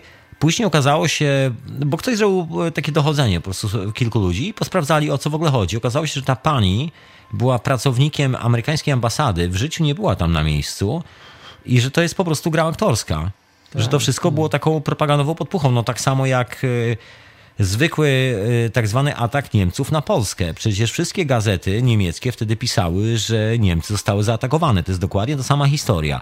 Tak. Taki fakt propagandowy, tego się nie da po prostu sprawdzić, bo nas, my po prostu fizycznie nie jesteśmy w stanie polecieć w te miejsca i zobaczyć, co tak naprawdę się stało. My po prostu opieramy swoje opinie na Myśli... przekazie medialnym, a media tak, kłamią, tak. bo media nie sprawdzają tych faktów. Rozumiecie, że to jest przerażające, że media nie sprawdzają tych faktów, co się dzieje, a to, a to jest bardzo łatwo sprawdzić w dzisiejszym świecie. Dokładnie. Także, także wystarczy po prostu tylko zrobić małe śledztwo. Nawet trzeba się ruszać y, z domu, żeby sprawdzić po prostu, że to jest fikcja jedna wielka. I już nawet część mediów potwierdziło, że to jest, to jest fałszerstwo tych mainstreamowych nawet w Polsce, ale większość jednak uważa, nie, to było, było, było zabójstwo przez, prze, przez, e, zrobione przez. Ale jak na ironię, słuchaj, ale jak na ironię ta inscenizacja, która się odbyła jeszcze przed pierwszą inwazją na e, Irak, jak na ironię zadziałała. To był, to był fenomen taki propagandowy. To samo robił Hitler. Goebbels napisał o tym książkę wielu ludzi musiało uciekać z Niemiec, bo po prostu e, stwierdziło, że to jest jakieś ludobójstwo, to jest krycie ludobójstwa i to się bardzo Niemcom, nazistom nie spodobało. Ale te metody propagandowe, dokładnie opisane przez Goebbelsa, są do dzisiaj używane przez administrację brytyjską, administrację amerykańską. No nie wiem, czy masonerię, całą e, masonerię. Nie wiem, czy wszyscy masoni o tym wiedzą, no ale generalnie jest to ta sama historia. Ale zauważ jedną rzecz, że te rzeczy nie są używane w Polsce. W Polsce jest tak tempa ta propaganda, że to jest po prostu widać na widelcu, ale ludzie są aż tak tępi w Polsce, że nie potrafią zobaczyć tej takiej chamskiej, siermiężnej propagandy, że wszystkie media są za Tuskiem. Większość, przynajmniej 90 parę procent mediów jest zarządzącymi. To jest coś niebywałego w ogóle. Cokolwiek, czegokolwiek by nie zrobili, to są po prostu tam modlą był. Taki moment, był taki moment, że gdzieś tam parę dni temu próbowałem na chwilę włączyć polskie newsy. Poważnie, tak włączyłem sobie, nie wiem, jakiś tam e, gazetę Miechnika, jakiś tam Onet e, i wszystkie te rzeczy. Tak przelecieć, po zobaczyć, jakie są nagłówki, bo czytać za bardzo tego nie jestem w stanie. I taki fenomen, że właściwie wszyscy mają dokładnie to samo. To jest taka Goebbelsowska propaganda na temat Tuska. Nagle okazuje się, że jeden koleś, który wykosił cały kraj do zera, e, nagle został po prostu gwiazdą sezonu. To naprawdę, tak jak dzisiaj rozmawialiśmy, przypomniała mi się historia z e, kolesiem z Portugalii, z Barroso, który doprowadził do kompletnego bankructwa cały kraj, zaczęły się gigantyczne protesty, no bo Portugalczycy no, nie mają akurat takiej krwi jak Polacy i wychodzą na ulicę i protestują i wykopali Barroso, on po prostu musiał zwiewać i jak zwiał i był kompletnie spalony w Portugalii, to dostał świetną posadę Ale w, w Unii ma, ma, już nieodwołalną, on tam cały czas tak się przyssał do w Unii, że on to jest, już tam do końca życia będzie siedział. Za dobre pieniądze, pan Barroso. Komunista, zresztą maoista, bo sam się przyznawał do, do E, by, bycia komunistą. I don't know, man. To, to, ja myślę, że to chodzi zwyczajnie o pieniądze, wiesz, że cała ta ideologia, wszystkie te historie do, dookoła, to, to jest tylko próba opakowania swojej własnej chciwości, tak mi się wydaje, wiesz.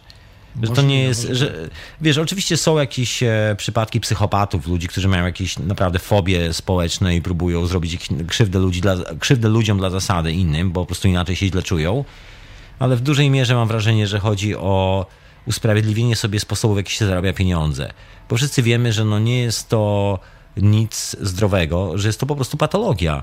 Także trzeba sobie znaleźć właściwe usprawiedliwienie, żeby nie zwariować pod koniec dnia, kiedy się już sprawdza e, stan swojego konta, żeby mieć, nie wiem, jakieś poczucie, że jest w tym jakikolwiek sens, że coś się zrobiło. Kiedyś poznałem kilku ludzi z, z działu polityki ci ludzie naprawdę mocno wierzyli w to, że to, co robią, ma jakiś sens. No byli pod tym względem troszkę psychopatyczni, ale naprawdę wierzyli w to, że ma jakiś sens. Czasami zdarza mi się rozmawiać z kimś, kto się zajmuje polityką i i wiesz, ten człowiek naprawdę wierzy, że, że jego energia władowana w to wszystko ma jakiś sens, że to zmieni jakiś świat, że to ma, wiesz, zamiast wziąć łyżkę, garnek, zacząć protestować albo po prostu pieprząć to w cholerę, zająć się po prostu budowaniem czegoś kon konstruktywnego, jest jakieś spalanie się w tym temacie straszne. Mhm. A to chodzi tylko o kasę, bo na górze jest, się przewala gigantyczną kasę z tego powodu. Przecież to nikt nie płaci nam podatków. Wszystkie pieniądze, jeżeli ktoś na przykład w tym mieście, zwanym Londynem, zarabia powyżej e, pół miliona funtów rocznie, to nie płaci to ani grama podatków, ponieważ są specjalne firmy, które właśnie fundusze offshores i te pieniądze są automatycznie wysyłane do wszystkich rajów podatkowych. Podatki płacą tylko biedni ludzie. Tylko no, ludzie, którzy mało zarabiają. klasa średnia. No, Dokładnie, biedni tak. klasa średnia. Tak jest, no niestety, niestety to jest tak poukładane, bo mm, klasa rządząca i bogaci dbają o to, żeby właśnie e, tak było, a nie inaczej. E, to może jedną rzecz taką polską e, tutaj bym wrzucił o y, panu Krzysztofie Jackowskim, najbardziej znanym jasnowidzu polskim, który, który stwierdza, że Polska upadnie w listopadzie, wyobraźcie sobie. E, pogoda zacznie wariować, Europą wstrząśnie z, e, zamach. I to jest właśnie na listopad już przepowiednia. Nie wiem, ile w tym prawdy jest, ale z tym zamachem terrorystycznym w Europie może coś się zgadza, że w tej Wielkiej Brytanii właśnie sam Cameron odpali taki e, rękoma oczywiście tego pana, powiedzmy, kalifa Abu Bakra al-Baghdadiego. Słuchaj, była próba, nie wiem czy słyszałeś o tym, ale była taka próba w Londynie, chyba z dwa lata temu, albo jakoś tak, czy może rok temu. Słuchaj, jakiś koleś z maczetą w północnym Londynie. A, to widziałem, odciął głowę.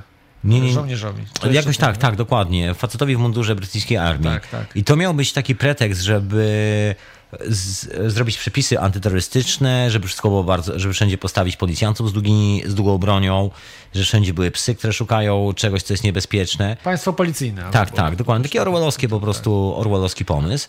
No i po chwili się okazało, że ten gentleman był człowiekiem, który został zwerbowany przez um, MI5 i że ten człowiek z maczetą, ten, który zabił, i że to nie było tak, że nikt tego nie, do końca nie potwierdził, bo oczywiście jest to teoria spiskowa, albo no, nazwajcie sobie jak chcecie, ale so, jest udokumentowane, bo sąsiedzi mówili i okazało się, że te, ten człowiek miał wizyty panów e, Secret Service, czyli służby wywiadowczej.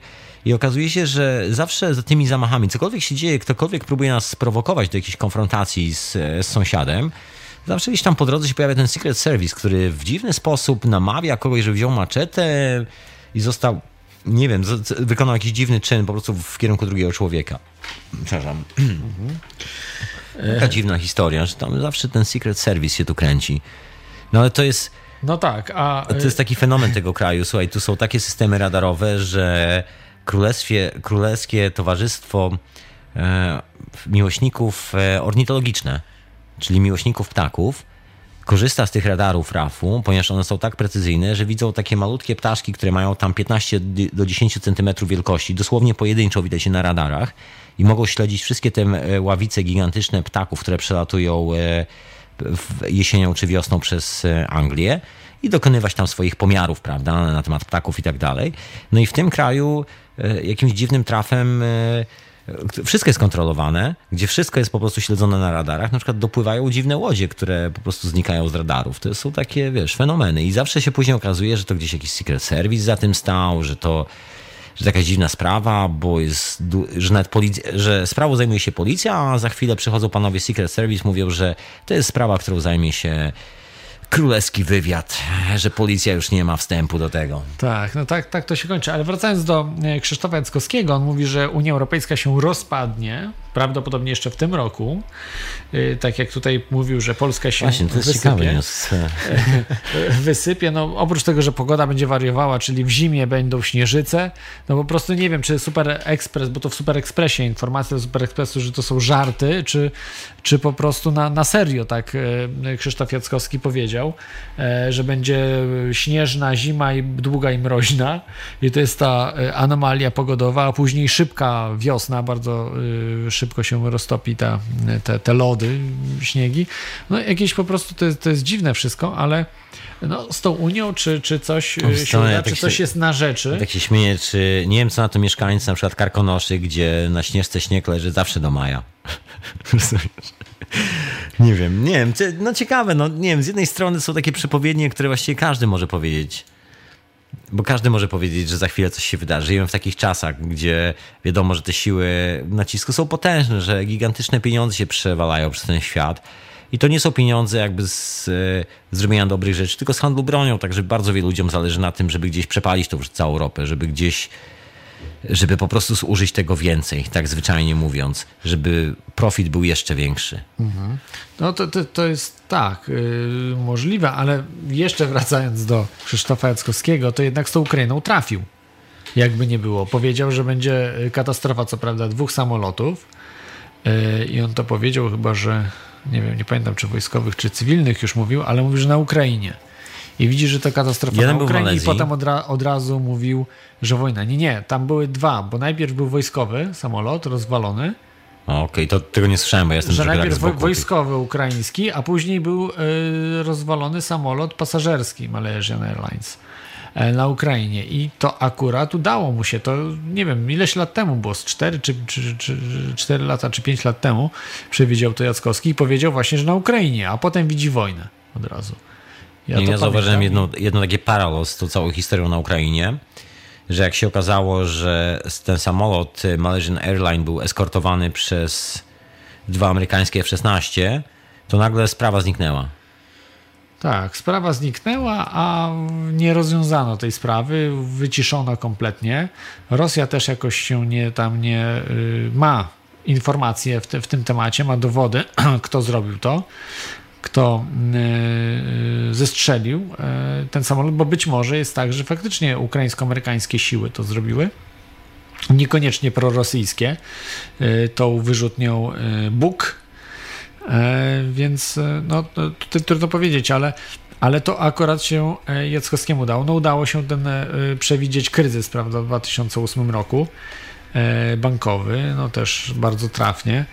E, Więc, więc jakieś tam zdolności ma, ale tutaj, czy, czy akurat to będzie w tym roku, to, ten rozpad Unii? Myślę, że faktycznie Unia się rozpadnie, bo to, co się dzieje, to jest troszkę mm, no, przesada na świecie. To, to Yy, No, to, jest tak, jak, tak jak mówiłeś chyba, mi, tak. prawda, że w Londynie jest milion pustych mieszkań, Tak, to prawda. a bezdomnych jest też pewnie, nie wiem, no może nie milion, No może ale, być, no. ale, ale na pewno jakieś dziesiątki tysięcy bezdomnych będzie w Londynie samym, więc, więc to, są, to są takie chore y, klimaty. Mało tego, no przecież mnóstwo ludzi nie stać na mieszkanie w Londynie, tak? To prawda. y, Nie milion, podejrzewam, że więcej niż milion, ale kilka milionów ludzi w ogóle nie No stać myślę, na że, mieszkanie w że Londynie. może jeden, może maksymalnie 5%, może 1% ludzi pracujących w centrum Londynu stać na to, żeby w ogóle mieszkać. W Anglii była taka tradycja, że która była od zawsze, od setek lat, że mieszka się na odległość, na piechotę do pracy. Na po prostu do pracy się zawsze chodziło, nie brało się autobusu. To była taka tradycja, że pracowało się blisko domu, po to, żeby wrócić do domu, się odświeżyć, pójść do pubu i tak dalej. Wszystko było na odległość e, taką pieszą. No i to się bardzo zmieniło, bo w dzisiejszych czasach w Londynie, no w centrum Londynu mieszkają tylko ludzie, którzy właściwie, no, no nie wiem, z, pieniądze robią pieniądze. To nie są pieniądze zarabiane na czymś, to są pieniądze robione już z pieniędzy, bo to są już tak potężne kwoty. No chyba, że ktoś ma jakieś takie szalone pomysły na kredyt, który wyobraża sobie, że spłaci, ale to mówimy o sumach, e, które idą w miliony funtów, bo to są mieszkania tam od e, co najmniej 2-3 milionów w górę często. No, No, tak. taka, no nie jest to na kieszeni zwykłego mieszkańca Wysp Brytyjskich, na pewno, to absolutnie, można o tym zapomnieć. To jest lokata kapitału, to jest sztu- sztucznie utrzymywana cena nieruchomości po to, żeby właściciel nieruchomości, będą spekulacji, bo wiadomo, że jeżeli im więcej będzie pustych tych mieszkań stało, tym mniej ludzi będzie mieszkało w centrum i teoretycznie wartość centrum powinna rosnąć, bo zainteresowanie z zewnątrz jest sztucznie podgrzewane, troszkę coś w ten sposób. Taka klasyczna spekulacja, także... Tu mam informację jeszcze o jednym e, banksterze. Za chwilkę powiem e, po przerwie e, o co chodzi, co on powiedział, bo to jest bardzo porażająca sprawa i myślę, że bardzo prorocza, nawet może dużo bardziej niż e, e, pana Jackowskiego. E, więc e, w tej chwili będzie przerwa kilkuminutowa i po przerwie e, wracamy.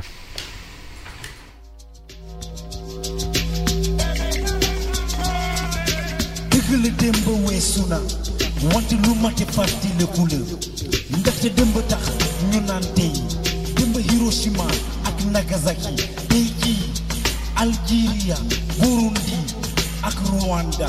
Ma ne Afrika ñun wax Afrika. Ma ne Afrika ñun Afrika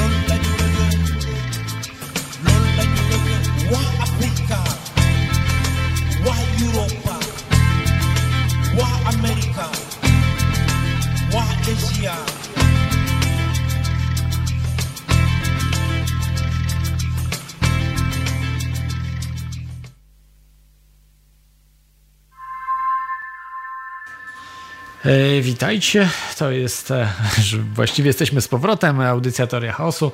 E, dzisiaj tematem jest temat, e, audycja wielotematyczna z Londynu.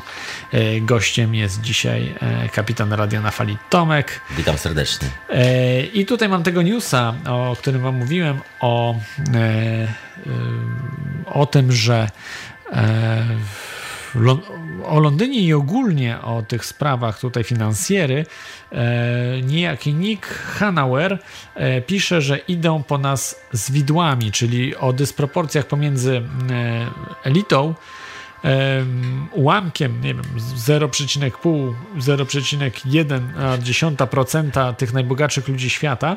I ta dysproporcja się zwiększa pomiędzy nami, pomiędzy zwykłymi ludźmi. I on y, napisał świetny artykuł, niestety można go przeczytać na y, wybiórczej, ale, ale y, w oryginale jest w magazynie Politico cały tekst e, jego. On jest przedsiębiorcą, inwestorem z Seattle, założył think tank e, The True Patriot Network, ruch społeczny League of Education e, Voters. I on pisze o tym, że po prostu ludzie wezmą sprawy w swoje ręce, no i po prostu tych ludzi, którzy tworzyli system ekonomiczny dzisiaj, ekonomiczno-finansowy, przede wszystkim finansowy, czyli wdrukowanie pieniędzy z, z niczego, po prostu zawisną. No, ci ludzie zostaną e, w procesach skazani jak hitlerowcy w procesach norymberskich. A szczególnie ci, którzy stoją na przykład za e, BIS-em, czyli Bank of International Settlements z Bazylei, który jest nietykalnym bankiem, bo nawet nie można go podać do sądu. To jest po prostu jedyna chyba korporacja świata, której zresztą w niektórych też chyba Monsanto też walczyli sobie Obamy, że nie można podać ich do sądu. E, więc, więc jest trochę takich, Ja ale sobie przypomniałem jedną rzecz a propos tych e, londyńskich historii w ogóle z nieruchomościami. e, mianowicie kwestie, kto kupuje w ogóle te mieszkania. No, bo dawniej mieszkali tam Londy- Londyńczycy, ale kiedy ceny poszły w górę, no znakomita część ludzi po prostu musiała sprzedać mieszkania, bo poszedł tak zwany podatek council tax do góry w tych, w tych dzielnicach. Czyli okazywało się, że po prostu jest gigantyczny podatek za wywóz śmieci, za cokolwiek, po prostu, żeby tam mieszkać. Same koszta utrzymania się po prostu w centrum nagle wzrosły nieprzeciętnie. No i okazało się, że te chaty trafiły w większości do ludzi, którzy pochodzą z City, pochodzą z giełdy, z e, funduszy inwestycyjnych, z banków. I tam jest troszeczkę inna zasada przydzielania kredytów, bo ile na przykład e, ty, Michał, pójdziesz do banku poprosić o kredyt, to ile masz oprocentowania? Yy, nie wiem, 3% czy coś, coś takiego. No oni mają 0,05. Rozumiesz, praktycznie ten kredyt jest e, symboliczny. Tak, tylko że ja ciężko zarobiłem swoje pieniądze, Tak, no włożyłem jest, pracę, a oni po prostu sobie wydrukowali w komputerze. to prawda. No i, Za pomocą klawisza Enter. no, i, no i to jest trochę tak, jak właśnie wspomniałeś, właśnie w, tak jak w tym artykule z tego człowieka z Seattle. Ta sama historia, że jest e, wąska lita ludzi, którzy mają dostęp do e, pieniędzy, praktycznie nielimitowanej, bo oni praktycznie nie płacą tego kredytu taki, e, takiego samego jak e, ty albo ja. W rzeczywistości ten kredyt to jest jakieś 17%, e, kiedy spłacisz chatę. To jest jakieś 7 17% górki po prostu nad wartością, na dzień dobry. Rocznie, ale generalnie musisz, jeżeli weźmiesz kredyt na y, mieszkanie, powiedzmy z wkładem 10%, ty za to mieszkanie razy dwa zapłacisz. Czyli jeżeli miałeś powiedzmy 100 tysięcy funtów, to za takie mieszkanie zapłacisz 200 tysięcy funtów. Dokładnie. Tak, tak A on właściwie kupuje taki człowiek z, e, z Goldman Sachs, kupuje praktycznie za, za kredyt, którego nie spłaca. Rozumiesz, ma kredyt, który w ogóle nie jest oprocentowany. Bo tak to jest zorganizowane. Także on e, zawsze wygra. Absolutnie nie masz żadnych szans, żeby wygrać z jego pieniędzmi. Nawet jeżeli zarabiasz tak samo, on zawsze będzie w lepszej sytuacji niż ty. On szybciej spłaci ten kredyt i z drugiej strony on jest z tego powodu łatwym, takim bardzo mile widzianym e, klientem przez kancila, czyli przez lokalną administrację, która chętnie mu na przykład sprzeda mieszkanie, no bo wiadomo, że on ma o wiele lepszą linię kredytową niż ty. Także ty automatycznie odpadasz z gry. Ktoś, e, zawsze jest 9 krzeseł i 10 ludzi, którzy tańcują do, dookoła. W dzisiejszych czasach ta zabawa się troszkę zmieniła. Teraz krzeseł są e, może trzy, mo, mo, może trzy krzesła, a dookoła jest setka ludzi. Teraz e, pytanie, kto usiądzie na tych krzesłach, kiedy muzyka przestanie grać? No to jest tak ustawione, że wiadomo, że ty na tym, ani ja na tym krześle nie usiądziemy. Jest to wyliczone tylko i wyłącznie po to, żeby była to taka skarbonka dla, e, no, dla po prostu tego 0,01% ludzi. Podobnie jest historia w, w San Francisco wygląda. Słynna sprawa z, z nauczycielami w San Francisco, którzy zaprotestowali. Okazało się, że bo tam jest cypel. Tak jak w Dublinie masz hołd, taki cypel, który wychodzi sobie ładnie w morze. Tak samo w, w San Francisco też jest cypel i to są najbardziej e, drogie nieruchomości w tym mieście. Takie najbardziej ekskluzywne i bardziej prestiżowe. Kosztują fortunę. To są stare wiktoriańskie domki, które się sypią, są ruderami potwornymi. Tam kopniesz ścianę, to domek się zapada jak... e, No rozsypuje się po prostu na kawałki. Ale, mm, ale kosztuje fortunę. Taka skarbonka też na pieniądze. Podobnie jak to w Londynie często. I ale tam mieszkają jednak jeszcze ludzie, którzy mają dzieci na przykład. Dzieci chodzą do szkoły. Tam jest jakiś serwis do zrobienia. I okazuje się, że praktycznie nikomu z takich normalnych rzemieślników, nauczycieli, przede wszystkim nauczycieli nie opłaca się przyjeżdżać tam do szkół, ponieważ żeby dojechać na ten cykl musisz spędzić, nie wiem, dwie godziny w korkach, przebić się przez to miasto. To kosztuje fortunę, praktycznie nie masz całego życia i po dwóch, trzech godzinach jazdy samochodem w jedną stronę właściwie jesteś żadnym nauczycielem, bo jesteś, e, no mówiąc kolokwialnie, wyorany po prostu tym wszystkim. I to, czego nauczysz tych dzieci, to jest to, że jesteś po prostu zmęczony, spędziłeś 3 godziny w samochodzie, próbując się tam dostać. Nie możesz zamieszkać blisko swojej pracy, ponieważ cię tam nie stać, ponieważ nie jesteś milionerem. I dochodzisz do takich zabawnych e, paradoksów sytuacyjnych, że praktycznie, podobnie jak w Londynie, że jeżeli chcesz wymienić sobie okna w centrum, e, na przykład w Belgrawii, czyli takiej bardzo ekskluzywnej dzielnicy W1, czyli W1, tak to się nazywa, bardzo blisko pałacu, Ba- e, pałacu Buckingham dokładnie, to są już takie naprawdę najdroższe posiadłości, gdzie najtańszy dom to chyba za 35 milionów funtów. To chyba tak naprawdę okazja, bym powiedział, okazja. I to taka, że od razu trzeba kupować z buta, bo tam zaraz będzie 50 mi- e, milionów za dom. No i się okazuje, że praktycznie, no w Londynie jeszcze można metrem dojechać, to nie ma problemu. No ale jest bardzo podobna sytuacja, bo wypadnie ci okno i tam, żeby zaparkować samochód, musisz jakąś fortunę po prostu zapłacić. Także wszyscy lokalni rzemieślnicy au- autentycznie doliczają do rachunku po prostu samo to, że wjeżdżają do centrum, bo jest jeszcze congestion charge, czyli opłata do, do tego, żeby w ogóle tam wjechać. Tak, teraz e, wprowadzają właśnie wszędzie e, opłaty. Tak, w, w, teraz w Irlandii opłacają e, abonament na wodę, e, czy właściwie opłaty za wodę. Wydaje się to logiczne, tak? Ale z drugiej strony, jeżeli to są państwowe firmy, no nie wiem, że się nie płaciło, ale się ma płacić od przyszłego roku. I to jest dziwne, bo przecież płacimy podatki, to są państwowe firmy, tak naprawdę nasze firmy. Okej, Więc e, okej, mamy tu telefon. Mamy telefon, tak. Jest z nami. Słuchacz.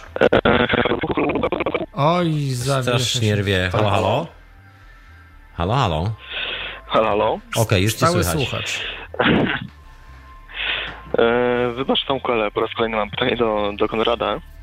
A to do Konrada? Konrada nie ma dzisiaj, Konrada. Konrada nie ma Nie, tutaj. Nie, nie, przepraszam, nie do Konrada, do, do Klauda. Kloda. Do, do Claude'a. Claude Monet. Tak się nazywa ten malarz. Claude Monet, nie Klauda. Po prostu Klaus to jest chmura. Cloud. Santa Cloud. Santa, Santa Cloud. Ja, ja. E, To audycja Michała, także ab- absolutnie nie przepraszaj, to ja tutaj tak troszkę zdominowałem sytuację na zasadzie Ale dobrze, y, Śmiało. adrem do... Ja się zamykam. No wiesz, Tomku, tak szczerze mówiąc, to mm, nie zdziwiłbym się, gdybyś w krótkim czasie mógł e, uzyskać własną audycję w Radiu Paranormalium. Szczerze powiem, że słuchałbym tego z chęcią. E, ale teraz ja- pytanie... ja- Ale o- nie ja- rozumiem, nad- nadajemy. W tej chwili jest ta audycja nadawana w Radiu Paranormalnym. Dokładnie. Tak, wiem, wiem, wiem, wiem o tym, Mhm. ale mówię o tym, że mm, gdyby Tomek podjął ścisłą, ścisłą współpracę E, z Radiem Paranormalium. Ale Tomek też nadaje w Radiu Paranormalnym y, audycję o, Hiperprzestrzeń. Zapraszam jutro o godzinie 23 polskiego czasu na hiperprzestrzeń do Radia na Fali, Radia Paranormalium. Ja, już, ja jestem właścicielem Radia na Fali, także ja już mam jedno radio na głowie, także e, chyba już wystarczy tego wszystkiego. Nie, powiem Ci, że O, masz bardzo. radiowy głos. To, to jest naprawdę piękne, Dziękuję więc... bardzo. Zamieniłem się jak nastolatka. Ale oddaję, oddaję głos do studia Michałowi. E, więc chodzi pytanie do Ciebie. E, co sądzisz może o Konradzie 44 i jego teorii Konrada, którą zrobił na, na wzór Twojej teorii chaosu? Jeszcze nie przesłuchałem, ale bardzo, bardzo myślę, że ciekawa audycja była. No, wszy, wszystkie audycje takie, które y, no, są jakieś nawet hejterskie, ale, ale są, są y, w jakiś sposób kreatywny robione. No myślę, że są im plus, więc, więc y, jak najbardziej na tak jestem za tymi audycjami. Jeszcze mówię, nie przesłuchałem, więc trudno mi oceniać, ale znając Kundrada na pewno było ciekawie. Ci tak, słyszałem jedno z jego wcześniejszych słuchowisk, e, plus słyszałem część tej jego audycji teorii Konrada 44 powiem, że e, to było w znacznej części hejterskie. Plus oczywiście komentarze Iweliosa, który udzielał się w ogóle, jak, jak można prowadzić audycję na, na, na YouTube? Tego nie rozumiem. YouTube to jest platforma do... No jest, jest jakaś moda teraz, żeby, żeby prowadzić YouTube, audycję. słuchajcie, YouTube ma bardzo fajne narzędzie teraz, poważnie, ale do streamowania w ogóle na bieżąco, także jest to fajna tak, rzecz. Tak, jakby jest audycja na bieżąco, a potem od razu wrzuca jako wideo, Mhm. ale to raczej chyba do wideo. Jeżeli ktoś nadaje audio, myślę, że nie jest to najlepszym pomysłem. No nie, właśnie, właśnie na to mówię, że, że to mnie trochę zdziwiło, że, że ona nada- nadaje audycje radiowe na YouTubie, no po prostu wrzuca, wrzuca... No jasne, ale to Znaczy, zaproponujmy słuchaczom, że możecie sobie zobaczyć, e, posłuchać właściwie. Niby to jest wideo, ale, ale tam raczej grafik za dużo nie ma, więc, e, więc po prostu jako audio można zobaczyć, e, przepraszam, posłuchać na, na portalu YouTube, tak na kanale Kunrada 44 można bez problemu znaleźć.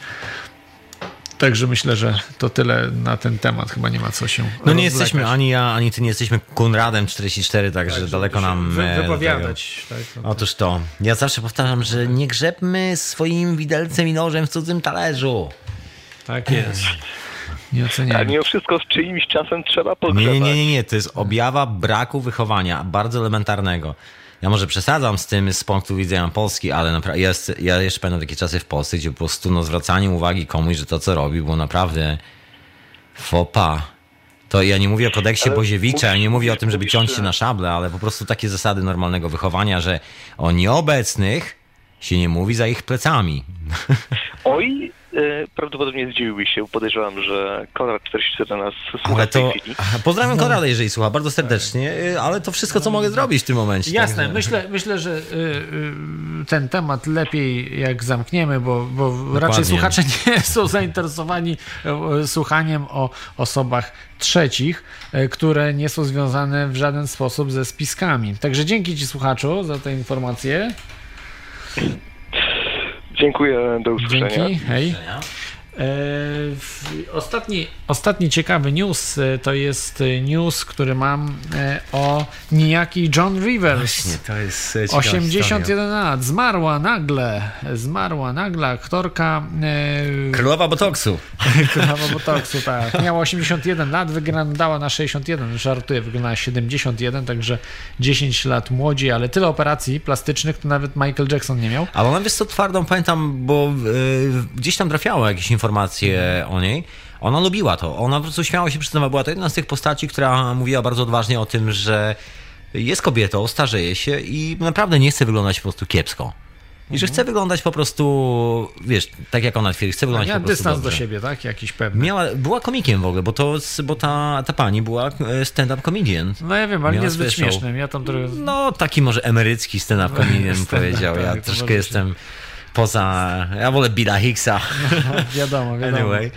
Ale dla, dlaczego przyto, przytaczam tą osobę? Bo to jest kolejna śmierć w Hollywood. E, niby 81 lat, no to już była stara i tak dalej, więc mogła umrzeć.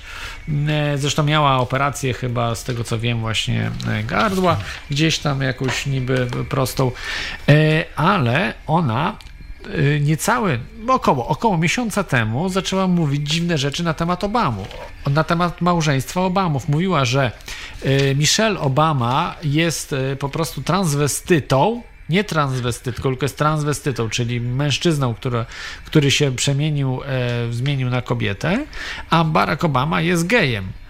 E, No i ona tak mówiła, niby żartem, pół serio, ale tak bardziej serio. I, i, i mówiła o tym, że wszyscy, zdjęcia. wszyscy to, wszyscy to wiemy tu w Hollywood o tym, ale nikt nie, nikt się w ogóle, nikt nie chce mówić, wszyscy się boją o tym mówić, a ona e, o tym mówiła wprost, po prostu, jako chyba jedna z niewielu osób i no niestety zapłaciła, jeżeli wydaje mi się, że coś na rzeczy jest, bo to jest takie dosyć symptomatyczne. No Miesiąc można- po tym, jak zaczyna głosić te rzeczy, pach i nie żyje, nie? No, I don't know, może, może wiesz, może to tak naprawdę wiek. Przynajmniej ja mam taką opinię, że to jest zdecydowanie wiek i że pani już troszeczkę, no jak wiele hollywoodzkich gwiazd, tu nie chcę za bardzo się wbijać w ten temat komentowania cudzego życia, ale może troszeczkę odjechała, tak gdzieś daleko, bo e, jeżeli żona e, owego zbrodniarza wojennego byłaby trans, byłaby chłopakiem, to miałaby troszkę inną budowę grdyki i bardzo łatwo jest to rozpoznać. No i bo- podobno ma.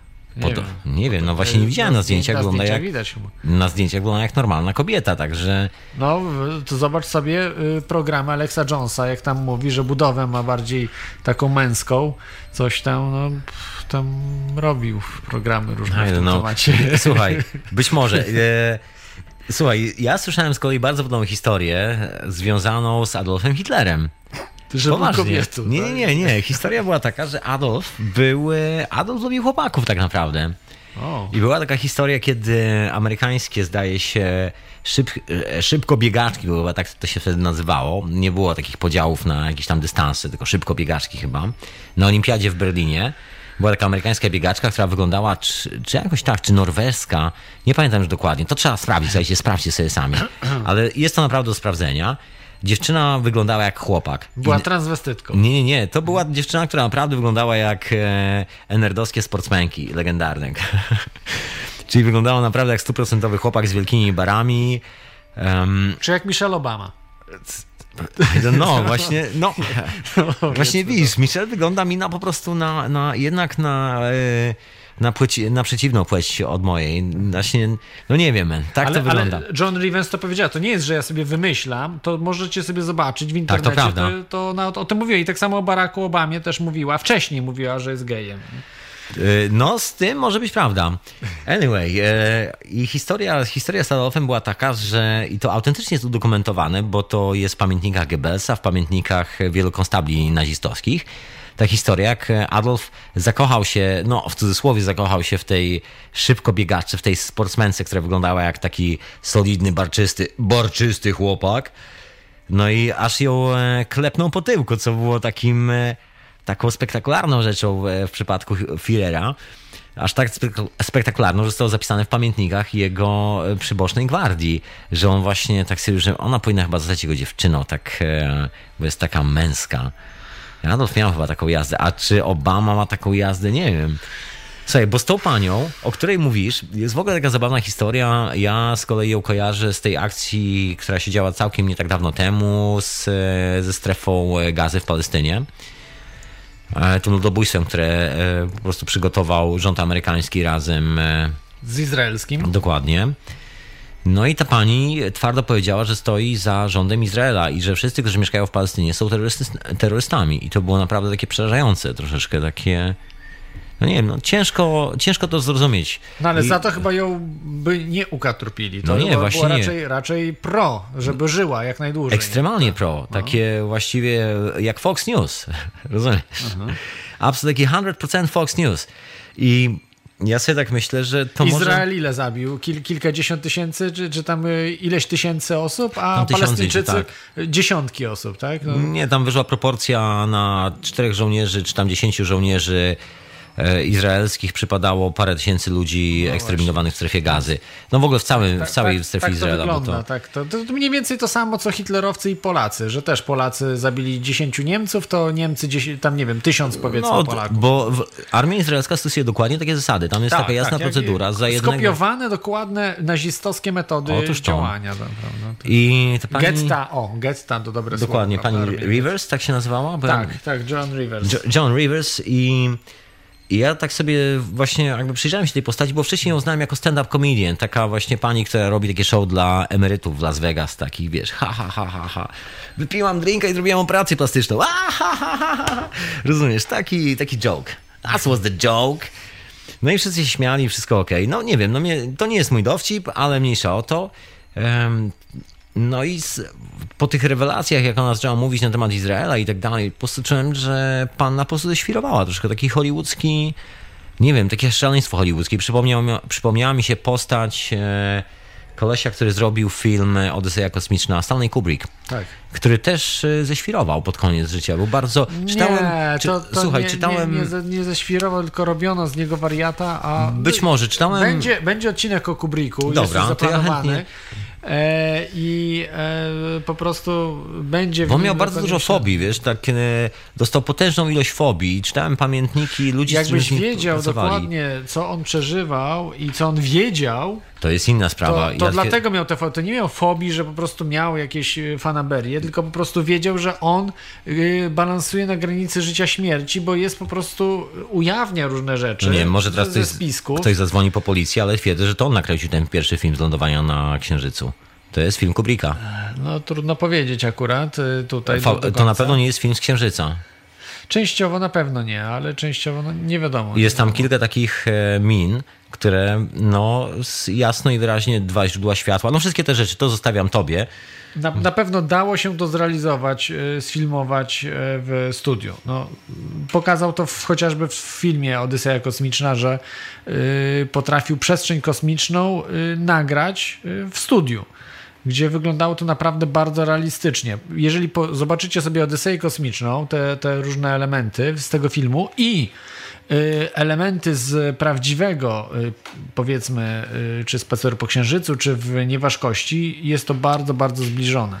Nie chodzi mi bardziej o fobię, wiesz, że to nie jest jakby, okej, być może Stanley Kubrick jest e, kiepskim przykładem, bo właściwie uciekł z Hollywood do Londynu tutaj, żeby się trzymać z dala od Hollywood, ale e, jest, jest historia dużej ilości hollywoodzkich gwiazd, które w pewnym momencie po prostu oszalały i zaczęły, nie wiem, e, tworzyć jakiś, jakąś strasznie dziwną rzeczywistość, mówić jakieś bardzo dziwne rzeczy, jednocześnie zaprzeczając sobie z jednej strony i z drugiej strony.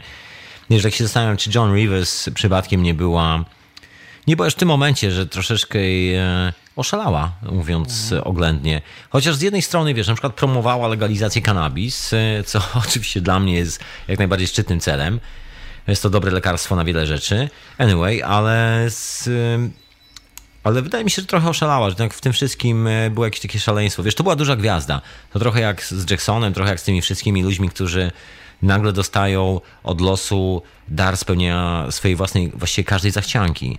I w pewnym momencie być może, wiesz, być może gdybyśmy my znaleźli się w takiej sytuacji, być może też byśmy od razu zwariowali. Kto to wie? No ja liczę na to, żebym nie zwariował oczywiście, bo czuję, że czujesz się naprawdę mało wariacki w tym wszystkim. Tak, Chociaż tak. kto To wie? jest. e, No, trudno powiedzieć, jak, jak było w, rzeczywistości, ale naprawdę to zastanawia, że miesiąc po tym, jak zaczęłam mówić o tym, że, e, że żona Baracka Obamy, czyli Michelle Obama, jest e, trani, czyli, czyli tą transwestyt, Ja się przyjrzę transwestytą na, słuchaj, Michał, ja się przyjrzę na te zdjęcia. Po prostu wiem, jak wyglądają tak zwani ladyboy, czyli tacy chłopcy, którzy są dziewczynami z Tajlandii. Bo na wschodzie jest to taka normalna, w takich krajach wschodu jest to normalna tradycja. Jeżeli brodzisz się i stwierdzasz, że lepiej się czujesz e, jako dziewczyna, to po prostu ubierasz się jak dziewczyna i mówisz mamie i tacie, sorry rodzina, słuchajcie, czuję się naprawdę dziewczyną w skórze chłopaka i zostaje dziewczyną od tego momentu. To się Kupujesz nazywa- hormony żeńskie. i- tak, to się nazywa Lady Boy, to jest koszmo, koszmarnie droga kuracja. No i oni generalnie tam chłopaki zamieniają się w dziewczyny. I widziałem kilka takich sytuacji e, na Chinatown, ale niekoniecznie to w Londynie, tylko w Manchesterze, bo mieszkałem bardzo blisko przy Chinatown, przy Chinatown w Manchesterze. Widziałem masę takich sytuacji, gdzie po prostu takie normalne angielskie chłopaki się nabierały, i na że po paru piwach, ale nabierały się po prostu bez, y, bez lipy na to, że to jest dziewczyna, rozumiesz? To było po prostu naprawdę z, bardzo śmieszne z zewnątrz. I w pewnym momencie dopiero ktoś im tam musiał powiedzieć, no słuchaj, słuchaj, ale to jest chłopak. What? Także naprawdę nie wiem. Słuchaj, przyjrzyj się na zdjęcia, przyjrzyj się na zdjęcia. Tak, tak, ko- koniecznie. A co sądzisz jeszcze o Ro- Robinie Williamsie, y, tym, Eee. tej- jego śmierci, tych, tych Nie. wydarzeniach dziwnych? Wydaje mi się, że facet miał deprechę troszeczkę. I na, y, te wydarzenia dookoła śmierci, wiesz co, mam jedno swoje spostrzeżenie i to wynika z mojej pracy zawodowej troszeczkę, e, w, że ta cała historia dookoła, dookoła jego śmierci, to, że nagle pojawiło się tyle memów, tyle informacji, że nagle, nagle facet stał się bohaterem dnia i to właściwie bohaterem tygodnia, można powiedzieć. Nagle każdy zaczął być jakby częścią tej historii. To nie było przypadkowe, to jest, e, przynajmniej taka jest moja opinia, nie wiem czy mam e, to absolutnie rację, także proszę wziąć sobie własny kredyt i samemu pomyśleć na, na ten temat. Ja naprawdę nie muszę mieć tu racji, ale wyglądało to dokładnie na doskonale zorganizowaną, kampanię przez e, wytwórnię filmową, która właściwie ma prawa autorskie do tych filmów.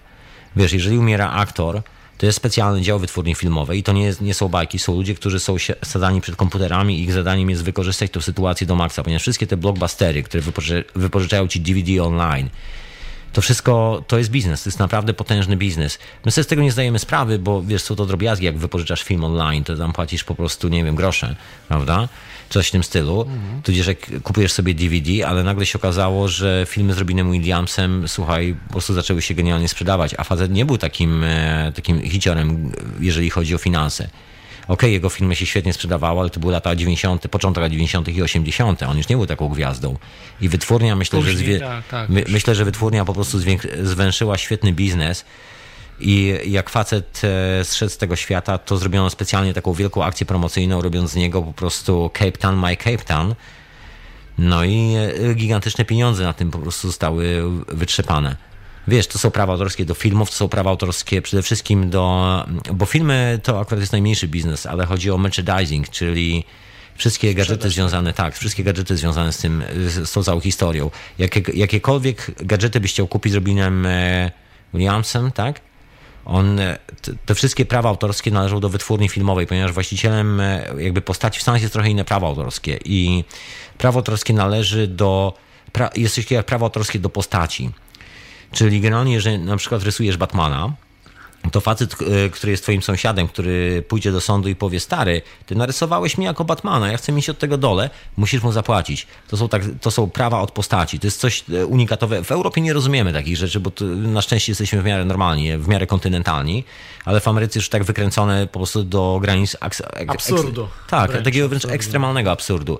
I oni mają prawa do postaci Robina Williamsa i do, y, do wszystkich postaci, które on wykreował w filmach. Czyli jeżeli postać aktora umiera, automatycznie około 100 ludzi siada za komputerami i robi kampanię na Facebooku, robi kampanię na Twitterze, robi wszystkie te memy, y, wiesz, rozsyła to wszędzie, gdzie się da i historia zaczyna żyć swoim życiem, przez to, wiesz, no, biegniesz do sklepu, kupujesz dzieciom e, DVD z, z Jumanji, kupujesz koszulki z Robinem Williamsem, kupujesz koszulki e, z, z tym całym zamieszaniem, wiesz, ściągasz filmy i mówisz, wow, to był fantastyczny aktor, kurczę, blado, szkoda, że odszedł, wiesz, i płacisz za to kolejnego dolara, kolejnego dolara, kolejnego dolara. tak to troszeczkę wygląda. Tak to niestety troszkę wygląda e, z tym wszystkim.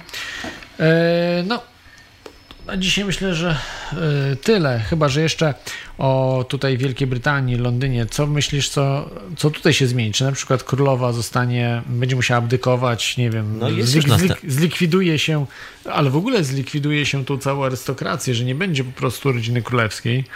Czy jest to możliwe w ogóle? Wiesz co, z jednej strony, z jednej strony jest to historia związana z tradycją angielską, taką, wiesz, taką tradycją feudalną, bo nie, nie oszukujmy się, że ma to jakikolwiek związek z normalnym życiem. To jest po prostu utrzymywanie pewnych feudalnych tradycji. A z drugiej strony królowa tu w Anglii jest gigantycznym magnesem na turystów.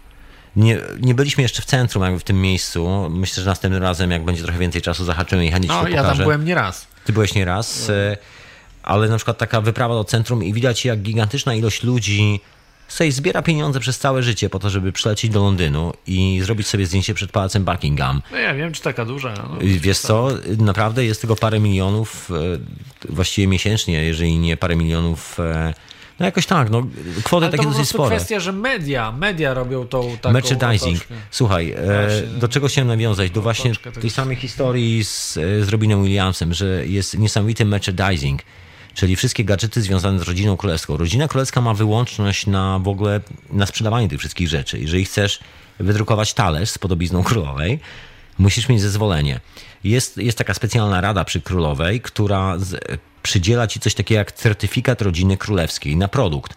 Czy to jest pasta do zębów, e, czy to są buty, czy to jest talerz, czy to jest łyżka, czy to jest kubek, cokolwiek to jest, masz rodzaj specjalnego certyfikatu. I firmy biją się w Anglii o ten certyfikat, ponieważ koneksje, które stoją za tym, wiesz, to jest nasza też e, jakby taka konsumencka ślepa wiara. Jest tak potężna, że jak masz już ten certyfikat, to nagle się okazuje, że twój produkt, e, nawet jeżeli wiesz, jest taki sam jak wszystkie inne i tylko pięć razy droższy, sprzedaje się na pniu. Od razu masz klientów. Twoja firma od razu zaczyna zarabiać krocie. Widziałem, znam ludzi, którzy dostali ten certyfikat e, tu w Londynie, rodziny królewskiej. to jest, e, to się po prostu w głowie nie mieści. To jest naprawdę szokujące zjawisko i wiesz, i kiedy zauważysz tą skalę jakby od tej strony biznesowej, widzisz jak, jak to wpływa na, na twoją sprzedaż, to jest po prostu szok. I to nie tylko tutaj, bo na przykład, wiesz, królowa jest strasznie popularna, wyobraź sobie w Japonii, w Australii, w Kanadzie i w Chinach. O czym e, być może nie każdy wie. To jest trochę jak z zespołem Manchester United, który zarabia największe pieniądze, na przykład między innymi na sprzedaży koszulek Manchesteru oryginalnych w Chinach, a nie na, nie na meczach, nie na tych takich normalnych rzeczach, o których wszyscy myślą. To jest merchandising, czyli sprzedaż, sprzedaż tych wszystkich gadżetów. No tak samo George Lucas, który zrobił Gwiezdne Wojny, podpisał najbardziej lukratywny kontrakt w swoim życiu, ponieważ zrzekł się praw autorskich do wszystkich trzech części Gwiezdnych Wojen. Natomiast zatrzymał przy sobie wszelkie prawa do merchandisingu, czyli do sprzedaży wszystkich gadżetów, przepraszam, związanych e, z filmem. Efekt był taki, że facet zrobił więcej niż wytwórnia płytowa, bo każdy chciał mieć e, kask, wiesz, Wadera, każdy chciał mieć statuetkę Jody, wszystkie tego typu rzeczy. Każdy, jak kupujesz ten oryginalny miecz świetny, to, to, to George Lucas zarabia za każdym razem z parę dolców z tego. I dokładnie tak samo wygląda z rodziną królewską, która jest e, takim gigantycznym biznesem turystycznym w Anglii, bo do nich też należy gigant... Właściwie są największymi właścicielami ziemskimi, także gdziekolwiek chcesz pojechać, e, na przykład restauracje, knajpy, które mają te certyfikaty, mają oblężenie tych wszystkich ludzi. Rozumiesz, to jest jakby taki samo napędzająca się maszyna. W Kanadzie rodzina królewska jest po prostu kochana. To jest fenomen. Wiesz, tu, my sobie nie zdajemy z takich rzeczy po prostu sprawy za bardzo, ale tam jak królowa przyjeżdża, tam jest święto miasteczka, wszyscy wychodzą. Mamy telefon. To ja szybko Tak. biegam. Dzwoni E, sam Konrad. Dzwoni sam. Witaj Konradzie. Witam, bo Konradzie, tutaj ja. zostałeś wywołany do tablicy, bo już e, słuchacze e, pytali się za ciebie, tobą. Tak, sobie mówili o tobie i właśnie, e, nie wiem, jakieś No więc- złe rzeczy, Dobry że w ogóle, Konradzie. Jest to wyjątkowa audycja, bo mam was obu i mogę wam tutaj po, pozdrowić was obu. Dziękuję, pozdrawiam serdecznie. zhejtować nas, bo podobno jakieś tam Nie, nie hejterskie hejto- audycje były. Nie, to, to ym, tam chyba ym, nie wiem, co miał na myśli tam ten dzwoniący, ale y, to Ivelios hejtuje mnie i tam paru innych. Ja Panowie, panowie, bądźmy dżentelmenami. Może nie jak rodzina królewska, ale po prostu bądźmy dżentelmenami. Jesteśmy w Londynie. Królewska. No właśnie, kiedy się umawiamy w pubie, to przecież y, ja z moim wózkiem inwalidzkim trudno się tam y, zapakuję na samolot do Dublina, czy gdzie tam do, do Irlandii, a Ale Kun, Konradzie, ty, Londynie ja- antychryst, a, antychryst i z, na wózku? No tak, no to, y, przepowiednia mówi, że a życie jego trud trudów. No, nie jestem pięknym, przystojnym, y, seksownym y, zbawicielem jak O, je- już niedługo, już niedługo, słuchaj, już niedługo. W następnym życiu, albo i nawet w tym. Kto wie. No, ale y, właśnie chciałem tu wyprowadzić was z błędu, że nikt się tu Konradem nie interesuje, wręcz odwrotnie. Słuchacze y, tak samo się stęsknili za stałym słuchaczem w tej audycji, tak samo mnie napuszczają tutaj na czat i, i na Skype. No kiedy zadzwonisz do Kloda? No dzwoń, no dzwoń. No to muszę. Tym bardziej, że kilka razy chciałem dzwonić, bo od początku audycji są bardzo ciekawe tematy, tylko znowu bym musiał y, poruszać i zabrać wiele. Odbieramy, robimy, słuchajcie, dzwoni Velius tak, że będzie nas czterech. Tak, E, The to- Secret Four. Żeby, żeby nie rozmawiać tutaj za plecami. Fantastische Można- Vier, bym powiedział z niemieckiego. E, Witam, e, witam, witam i ja. I, i, I Weliosa witamy. Witam serdecznie. Witam, witam również wszystkich. Witam Konrada.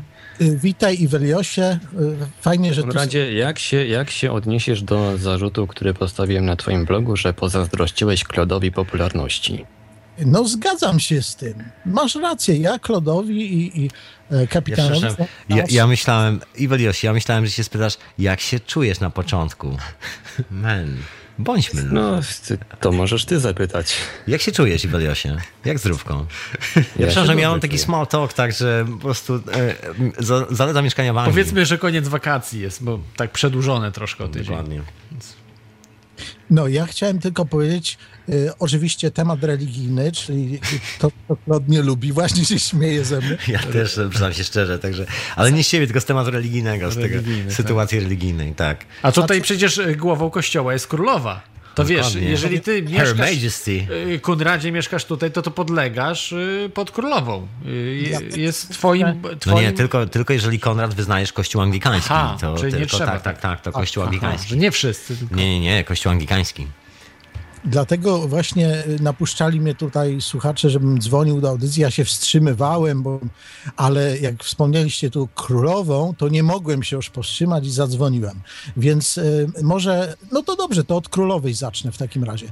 Więc zwróćcie uwagę, znakomicie to kapitan tutaj y, wykładał, jak Wielka Brytania zyskuje, jakie ma dochody i prestiż, bo to jest niemierzalne w pieniądzu czasami mm, taki prestiż na świecie, z powodu królowej. I teraz to jest zwykła królowa. A teraz wyobraźcie sobie, ile Polacy mogliby y, w cudzysłowie zarobić albo zyskać na posiadaniu własnego Boga, Zbawiciela Antychrysta. Więc zamiast szydzić ze mnie wszyscy, mówić, że jestem kretynem, jak jeden ze słuchaczy mi podesłał, że Iwelios napisał o mnie Kunna 44 to kawał kretyna i narcyza i tak dalej y, wykazującego... No bo takie, takie zdanie na twój temat mam, no to ty sobie zapracowałeś na taką opinię. Bądźmy dżentelmenami, panowie, bądźmy dżentelmenami.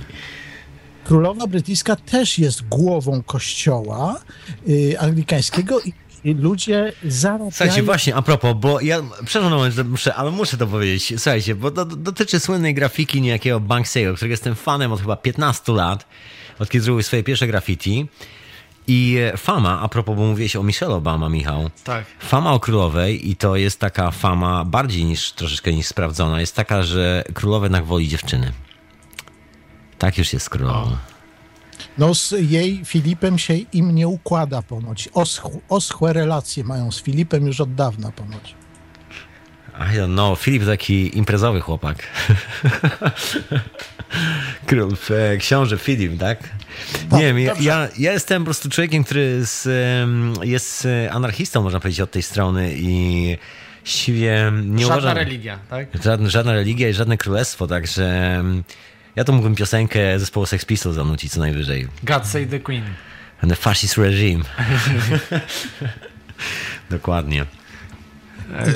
I poza tym drugi temat, który chciałem poruszyć, y, z mojego punktu widzenia, to jest to, że ja również działam, zacząłem działać szerzej poza radiem y, na fali i teorią chaosu i ciągle się spotykam z takimi oskarżeniami, ale po co religia? Religie są złe, niepotrzebne.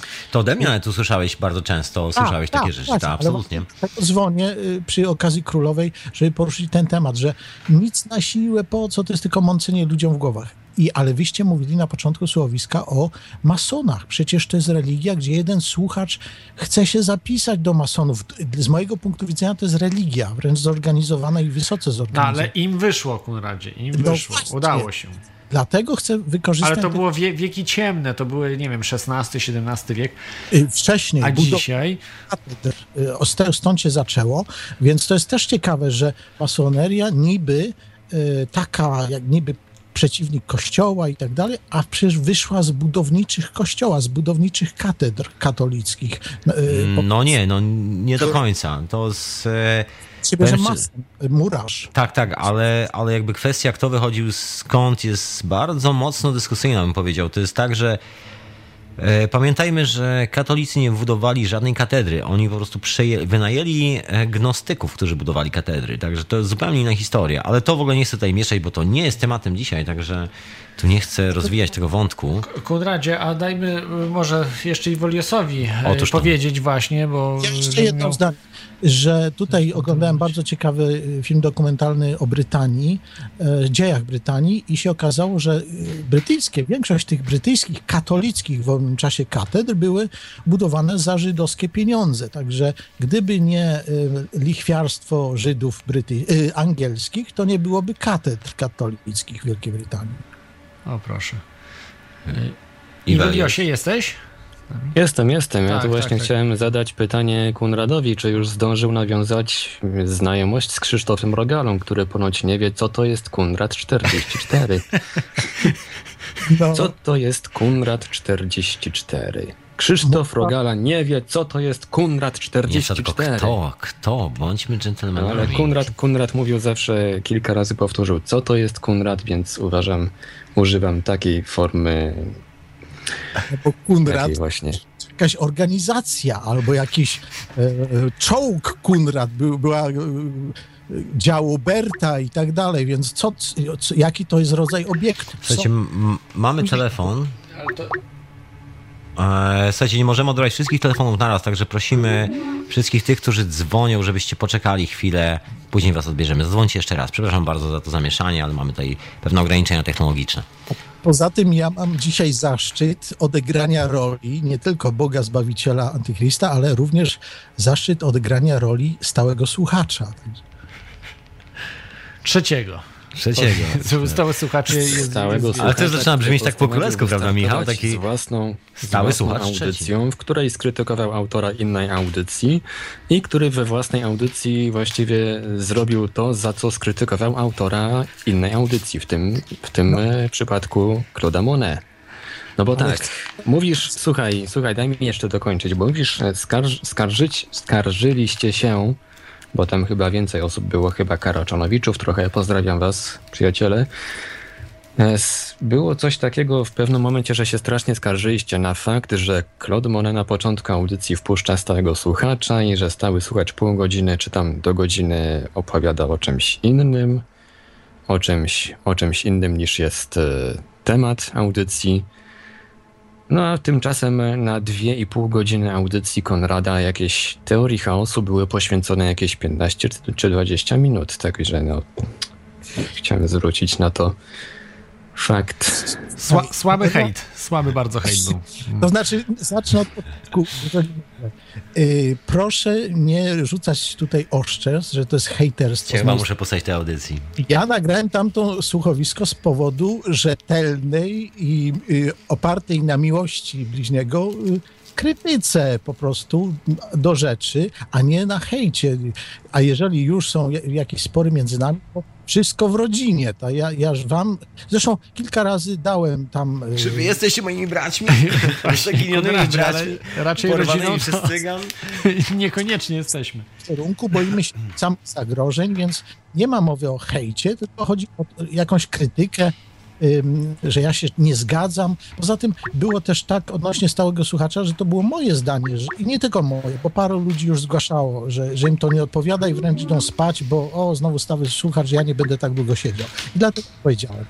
A, ale inni się nie zgodzili, ci dzwoniący, że nie, że dla nich jest to wręcz dla niego, czasami słuchają tej audycji. Więc y, były różne opinie, a ja poza tym tam też dziękowałem, wychwalałem, zachęcałem, dzwońcie, pochwalcie Kloda, więc nie ma tam jednoznacznie, że to było hejterskie. To tyle na ten temat.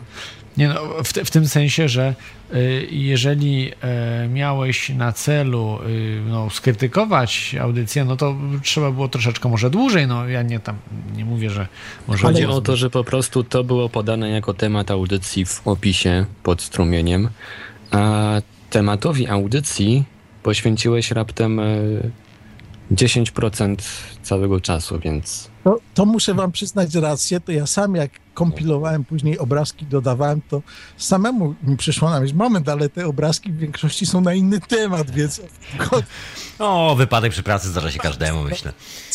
nie, nie, nie wszystko na początku jest doskonałe. Jasne.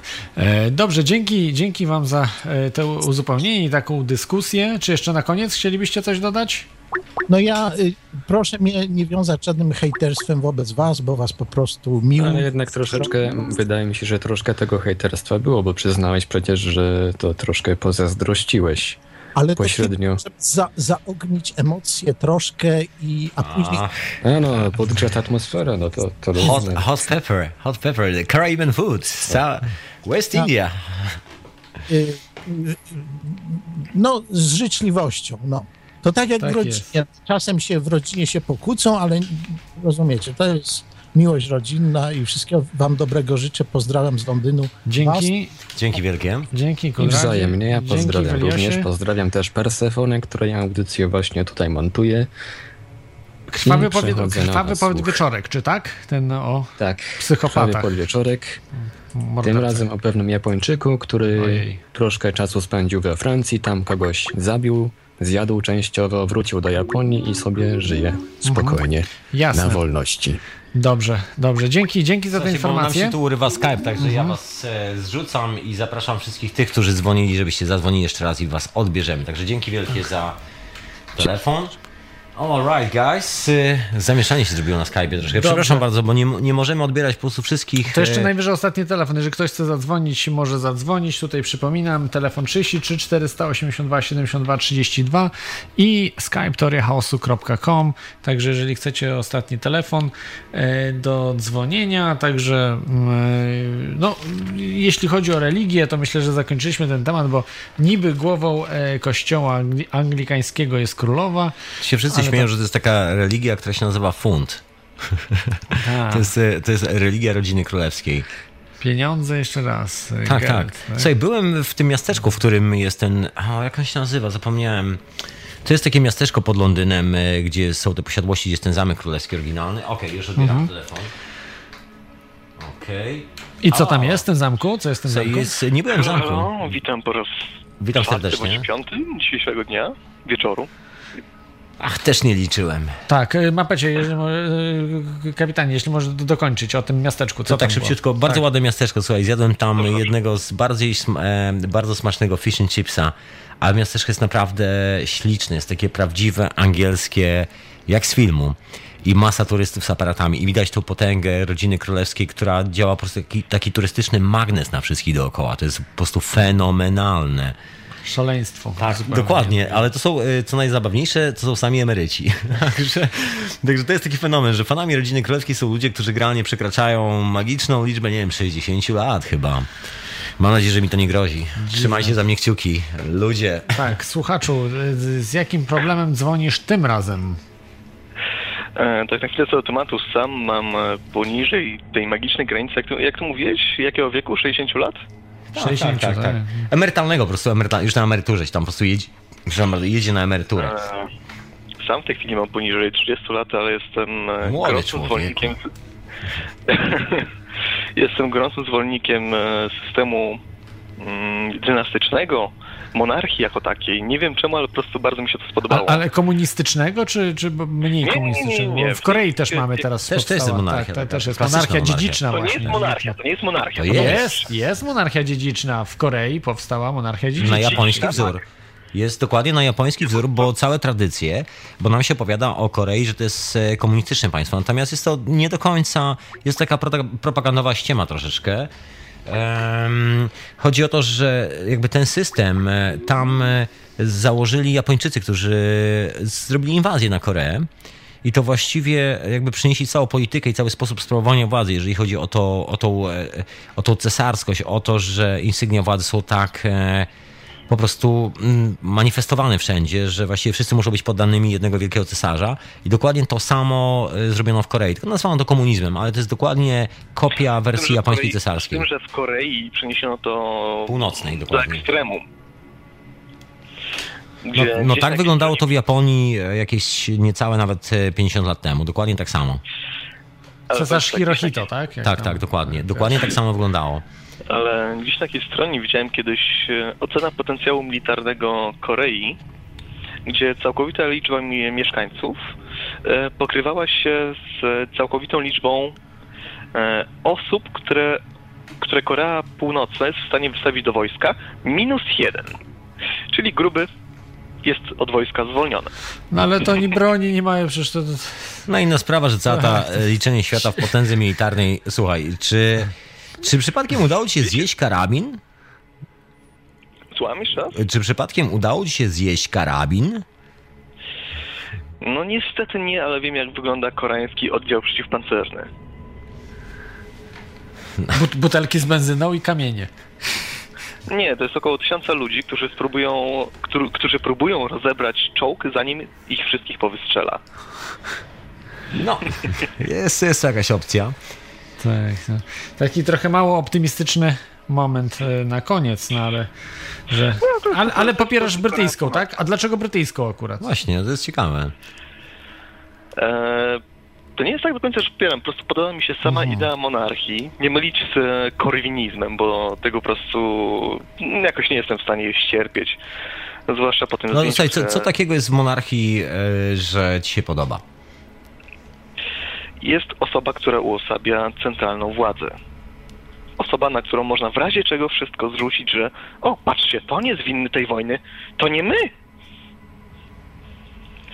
no okej, okay, ale co to zmienia tak naprawdę, jeżeli jest wojna i wszyscy cierpimy z powodu tej wojny? Czy to...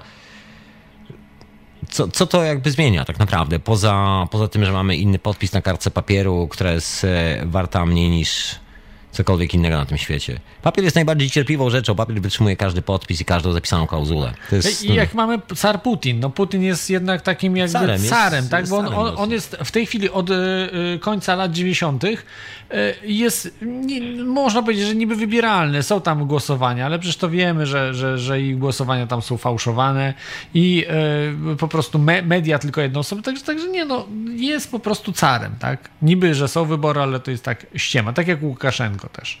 E, więc e, Ale on robi co chce, no może robić wojnę i czym się różni to, co w Czeczeni robił Putin, to przecież to było ludobójstwo totalne, nie? To, to, to, to, to tam naprawdę zrównano y, z ziemią y, cały kraj. Przepraszam, ale nie odchodźmy od, y, od monarchii brytyjskiej do, do Putina, bo to jest po prostu niesmaczne w tej chwili. Bo to jest mimo wszystko, wydaje mi się, że to jest trochę coś innego. Nie, to jest to samo. Tam było, jest, wiesz, no, nie wiem, czy chciałeś być chłopem e, w carskiej Rosji. Nie, nie, nie, nie, nie, nie, to nie jest to samo. E, w mona, e, w monarchia, cara to nie monarchia, tak? Nie, w Wielkiej Brytanii obowiązuje monarchia parlamentarna, gdzie no bo, no bo tak naprawdę jest... system taki mieszany, nie? To jest Słuchaj, demokratyczny. No więc jeśli, jeśli powiem, co, tak ja, co ja jako człowiek, który mieszka po prostu w owej Wielkiej Brytanii od chyba 10 lat, mogę na ten temat powiedzieć, to jest e, to, że wierzysz w iluzję. To jest po prostu e, taka iluzja, ponieważ ludzie, którzy dostają się do parlamentu, to są ludzie, którzy no, są tak jak tato aktualnego prime minister, właścicielami e, sumy 100 milionów funtów. Także jeżeli masz 100 milionów funtów, to nie wiem, czy, czy ci jakiekolwiek prawo obowiązuje w tym kraju. Żadne, taka jest prawda. Po, po przekroczeniu magicznej sumy pół miliona funtów, jesteś już kompletnie out, bo nie rozliczasz się podatkami tutaj. To jest to, o czym mówiłem wcześniej. Także jesteś zupełnie no człowiekiem z księżyca, mówiąc szczerze, takim kosiem z kryształowego zamku na szklanej górze, który robi dookoła siebie wrażenie, że jest głosem ludu. No nie wiem, no moim głosem e, nie będziesz na pewno. No, nikt nie będzie moim głosem poza mną samym. Ale sęk w tym, że on nie jest głosem ludu. O to właśnie chodzi. No ale władza, słuchaj, jeżeli władza robi jakieś prawo, jeżeli jest grupa ludzi, która generuje jakieś prawo, któremu ja podlegam, no to jednocześnie, wiesz, to stanowi o niejaką ale mojej rzeczywistości, przynajmniej częściowo, rozumiesz? Ale omijasz jedną ważną rzecz. E, w Wielkiej Brytanii władza, mówię w tej chwili o monarchii, mm, nie wiem do końca jak to określić, ale w każdym razie nie ma żadnej władzy nad, nad tym, co przechodzi w parlamencie. Oj ma. Ma, to jest... Znaczy nie, do, nie do końca, nie do końca. W każdym razie może... No jak to nie? Królowa... Weto ma. No tak, królowa podpisze tak, albo ma nie. ma prawo weta, ale nie ma prawa zmieniania tych ustaw. No ale y, na przykład y, jest prosta rzecz, no żeby zostać lordem, musisz mianować królowa po prostu, żebyś ty był tym lordem i żebyś mógł odcinać kupon od tego całego bigosu, także... Także jesteś tak uwalony, to może na zewnątrz wygląda jakoś tak, wiesz, to jest taka zabawa... Yy, wiesz, nie to, żebym chciał jakoś tak, e, wiesz, jakoś pejoratywnie powiedzieć o twoich spostrzeżeniach, nic, nic w ten sposób, jakby każdy ma prawo myśleć, co myśli, ale to, o czym mówisz, to jest jakaś wielka iluzja, to jest, e, wierzysz, jakieś, e, no, po prostu bajki, mówiąc szczerze. Nie wiem do końca, co masz na myśli wierząc w bajki. Sam w tej chwili nie mieszkam od około 10 lat w, w Polsce, mieszkam w innym kraju, nie Wielkiej Brytanii, który ma A jakim? u siebie monarchię innym. Po prostu nie, nie chcę po prostu mówić w jakim... Demokratycznym. W Holandii jest monarchia, w Holandii nie, nie, nie, jest w Belgii monarchia. Kraj, kraj, który ma u siebie w monarchię. No to jest e, Belgia albo Holandia, Niderlandy. Liechtenstein. E, Ale w. Liechtensteinie nie dostałbyś obywatelstwa, także na pewno nie mieszkasz. No tam od razu kosztuje fortunę, to prawda. Musiałbyś multimilionerem być. Indeed, indeed man. I to takim wpisowe jest grube, wpisowe jest grube, chyba no spore wpisowe, spore. Także wiesz, ta iluzja z tą monarchią w Anglii to jest, y, to jest po prostu iluzja. No słuchaj, rządzi po prostu klan ludzi, którzy pochodzą, wszyscy chodzą do dokładnie tej samej prywatnej szkoły, dlatego tu w Anglii się używa terminu Eton Boys, czyli chłopcy z Eton. I wszyscy pochodzą dokładnie z tego samego miejsca, wszyscy się znają od dziecka, wszyscy są od dziecka jakby tresowani od tego, że wiadomo, że będą siedzieli na tych stołkach, także nie ma to, wiesz, jeż, jaki to ma sens? Mm, sorry, mam bardzo niski stan konta, ale muszę w końcu zapytać o to, o, o to, co miałem na myśli na początku. E, Konradzie, mówiłeś, że stały słuchacz wyjeżdża, wyjeżdża na, na dwa tygodnie na urlop. A jakoś trzy dni po tym, jak powiedziałeś, że wyjeżdża na urlop, on co dziwne dodzwonił się do hiperprzestrzeni. Więc wydaje mi się, że po prostu w tej chwili nie, nie, my już, chyba, my już chyba jesteśmy w innej książce. W Na... innej, w innej przez czasoprzestrzeni. Dokładnie. Troszkę. Chyba tak. Chyba tak. I tak. tam już się skończyło. Także słuchajcie, bo to był jeszcze jeden telefon, także jeżeli Bateria, ktoś. Jest... tak, padła słuchaczowi bateria, niestety. Także. Jeżeli e, ktoś chce jeszcze zadzwonić, słuchajcie, dajemy wam ostatnią szansę, bo tam się telefony... Nie, nie, to była już ostatnia. Także Mówisz? już będziemy, Dobra, ty tak, jesteś tu będziemy, szefem. Będziemy, będziemy kończyli na dzisiaj. Także tak rozwiązaliśmy sprawy e, tutaj tych, e, te brytyjskie, że niby nie ma monarchii, jest niby, to się nazywa tak naprawdę monarchia konstytucyjna, ale, czyli demokracja w jakimś stopniu jest, ale ta królowa naprawdę ma duże możliwości działania i oddzia oddziaływania. To właściwie chyba może nie tyle królowa, ile jakby biznes związany z, Bi- tak, z tak, rodziną tak, cała, królewską. cała rodzina królewska. Bardziej, Bo to jest tak. jedna, jedna rzecz, chciałbym powiedzieć, jakby tu zaznaczyć. E, My się koncentrujemy na królowej, ale to jest naprawdę, to jest taki czubek góry lodowej, to jest coś w rodzaju takiej figury, która reprezentuje reprezentuje pewną sytuację. Można powiedzieć, że to jest okładka tej książki, natomiast książka składa się z iluś tam stron jeszcze, gdzie są inne nazwiska, inne historie i tak naprawdę tymi innymi historiami są gigantyczne interesy stojące za rodziną królewską. Ja tu, tak jak ci wspominałem, bo dzisiaj rozmawialiśmy o tym, to są na przykład interesy związane z elektrowniami atomowymi, to są interesy związane z gigantycznym pakietem e, w, Shellu, w BP, to są, to są gigantyczne pieniądze związane z firmami zbrojeniowymi. To jest naprawdę potężny, potężny biznes i to należy do rodziny królewskiej. Nie mylić tylko i wyłącznie z królową, bo królowa jest tylko jedną osobą, natomiast rodzina królewska dookoła ma masę ludzi. To są wszyscy ci lordowie, to są wszyscy ci baroneci, o czym w Polsce rzadko kiedy się mówi. To jest właśnie też taka ciekawostka, że jest y, postać baronet, czyli baron. To są ludzie spokrewnieni z rodziną królewską, którzy właściwie pociągają za sznurki współczesnej ekonomii w Anglii. Mhm.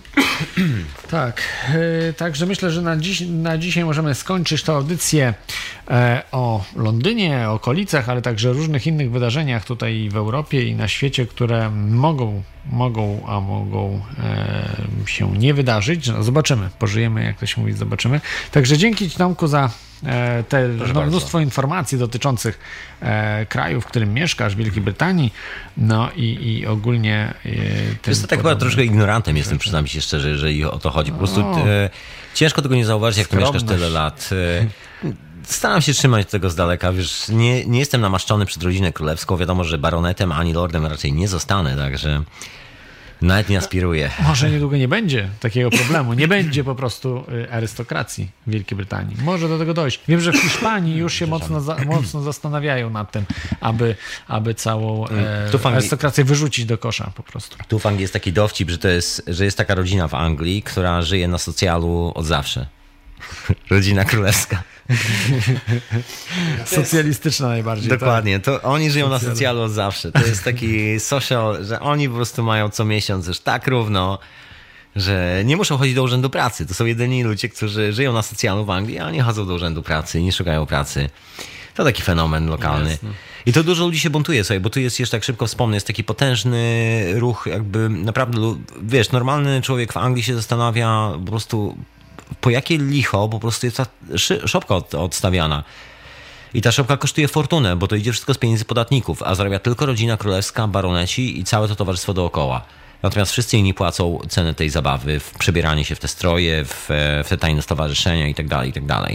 Także jest to troszeczkę bardzo, dla mnie jest to bardzo dyskusyjna sprawa, jestem w ogóle przeciwnikiem rodziny królewskiej. Uważam, że jest to no, jedna z tych patologii, która została w poprzednich czasach. W pełni się zgadzam. Jest, jest to patologia, która no, po prostu społeczeństwo brytyjskie będzie musiało e, naprawić. Myślę, że zacznie się od Szkocji, gdzie po prostu oni się odłączą. Oni Od bardzo nie lubią właśnie się- tego, tego tak, klimatu. I, i, I się po prostu tam zacznie, zacznie wszystko kotłować. Chociaż właścicielem połowy Edynburga jest nie kto inny jak rodzina królewska. A, to jest, proszę. też jest zabawne. Moja znajoma pracowała dla rodziny królewskiej, było zabawnej. I, inna Chyba sprawa, większość pracowało osób, gdzieś w jakimś przynajmniej pośrednim. z- No nie, y, pośrednio tak, pośrednio wszyscy pracujemy dla tak. królowej, płacąc podatki, ale taka jeszcze ciekawostka na koniec. Jak na ironię jest to chyba najbardziej e, przyjemny rodzaj pracy, jeżeli chodzi o, o w ogóle, wiesz, godziny pracy, o zarobki. No nie wiem, czy wszędzie, bo też nie, nie znam jakby całego przekroju ludzi pracujących dla rodziny królewskiej, ale generalnie jest tak, że pracujesz przez 4 dni w tygodniu, masz naprawdę świetne wyposażenie, masz dodatkowy serwis. E, rodzina królewska, ta firma dba o swoich pracowników, to prawda. No, chyba, że zobaczysz, nie wiem, czy pamiętasz tę sytuację, jak znajdują trupy na terenie tego Westminster całego. A to jest inna sprawa, tak, I tak. tam y, po prostu, jeżeli coś zobaczysz nie takiego, gdzieś coś podpadniesz, to niestety giniesz y, szybciutko marnie, albo zawał, zawał albo gdzieś w krzakach wylądujesz. No są jakieś dziwne opowieści na ten temat, są dziwne opowieści, to prawda. Albo y, tak jak ta pielęgniarka, która opacznie zdradziła informację o y, stanie Kate, jak było jeszcze w czasie błogosławionym, popełniła nagle szybciutko samobójstwo, także no oczywiście samobójstwo, tak jak i wiesz, Andrzej Leper. Y, seryjny samobójca ją dopadł. Ale powiem ci szczerze, że spotkałem ludzi, którzy no wiesz, mówisz, że są blisko rodziny królewskiej, to jest może zbyt dużo powiedziane, bo to naprawdę jest taki top topów e, tutaj towarzyskich, ale ludzi jakby związanych biznesowo troszeczkę z, z tym towarzystwem, i jakby pe, pewien sposób namaszczenia, pewna atencja do tej rodziny jest tak potężna i wiara w to, wiara w ich pieniądze, wiesz, wielu ludzi, trakt, dla wielu ludzi jest to tak potężny magnes, że nie potrafią się temu oprzeć. Jest Ale to, taka... to, jest, y, to jest społecz... to jest, są jeszcze pokolenia wyższe niż nasze. Od naszego pokolenia zaczyna się to zmieniać. Po prostu my Mam jesteśmy nadzieję, już, już jednak chyba trochę mądrzejsi. E, żyjemy w internecie, widzimy, że to jest po prostu śmieszne, co oni reprezentują. To, to jest żenujące. Więc y, to myślę, że się po prostu ulegnie zmianie. I, I, być może nawet za naszego życia zobaczymy zmierzch e, rodzin królewskich, kto wie. No Także... No byłoby miło, byłoby miło. Także dzięki Ci jeszcze raz, Tomku. Przepraszam, że zagadałem Ci wszystko dzisiaj, tak trochę. Tak, także... Ale już za tydzień będzie normalna teoria chaosu, ja sobie usiądę, zdala od tych wszystkich gałat, zda... już nie będę panem reżyserem dźwięku, ale miło było. Szalenie... Dzięki Michał. Też, za... dzięki, dzięki za możliwość tutaj właśnie wystąpienia w studiu y, w Londynie prosto tutaj. W kapitanacie, jak to nam mawia tak. Edward. Prost, czy, ja, czy ja mogę zareklamować? Proszę bardzo. Czy ja zareklamuję przy okazji, wykorzystam tę okazję. Zareklamuję. Słuchajcie, zapraszam was wszystkich jutro do, z kolei do swojej audycji w Radiu na Fali, też transmitowanej w Radiu Paranormalium, czyli do hiperprzestrzeni na godzinę 23 polskiego czasu. No i zapraszam w ogóle wszystkich e, do Radia na Fali, żebyście wpadli do archiwum, do księcia Edwarda. Właśnie jak a propos rodzin królewskich. Książę Edward Pozdrawiam bardzo serdecznie do, do etykiety zastępczej. W ogóle odwiecie radio na fali, odwiecie radio Paranormalium też, także peace and love, kochani. Peace także, love. Także polecam, także e, polecam audycję właśnie Tomka i e, innych nadających e, w radiu na fali. A teraz jak zwykle e, kończę e, znanym utworem, bardzo ładnym, pasującym myślę, że do każdej okazji. E, dzięki, że byliście. E, no, dzisiaj ostatnia audycja, taka bardziej luźna, wakacyjna, można powiedzieć jeszcze. Nie wszędzie się zaczęła szkoła, studenci mają wolne. E, życzę Wam bardzo miłego weekendu i za tydzień będzie audycja już troszeczkę bardziej poważna, także trzymajcie się ciepło i. Dobranoc. Cześć. Cześć.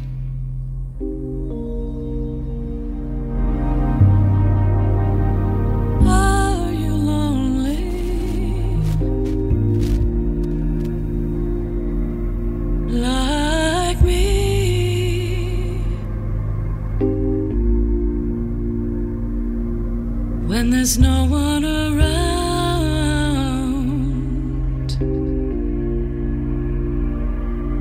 for you to talk with.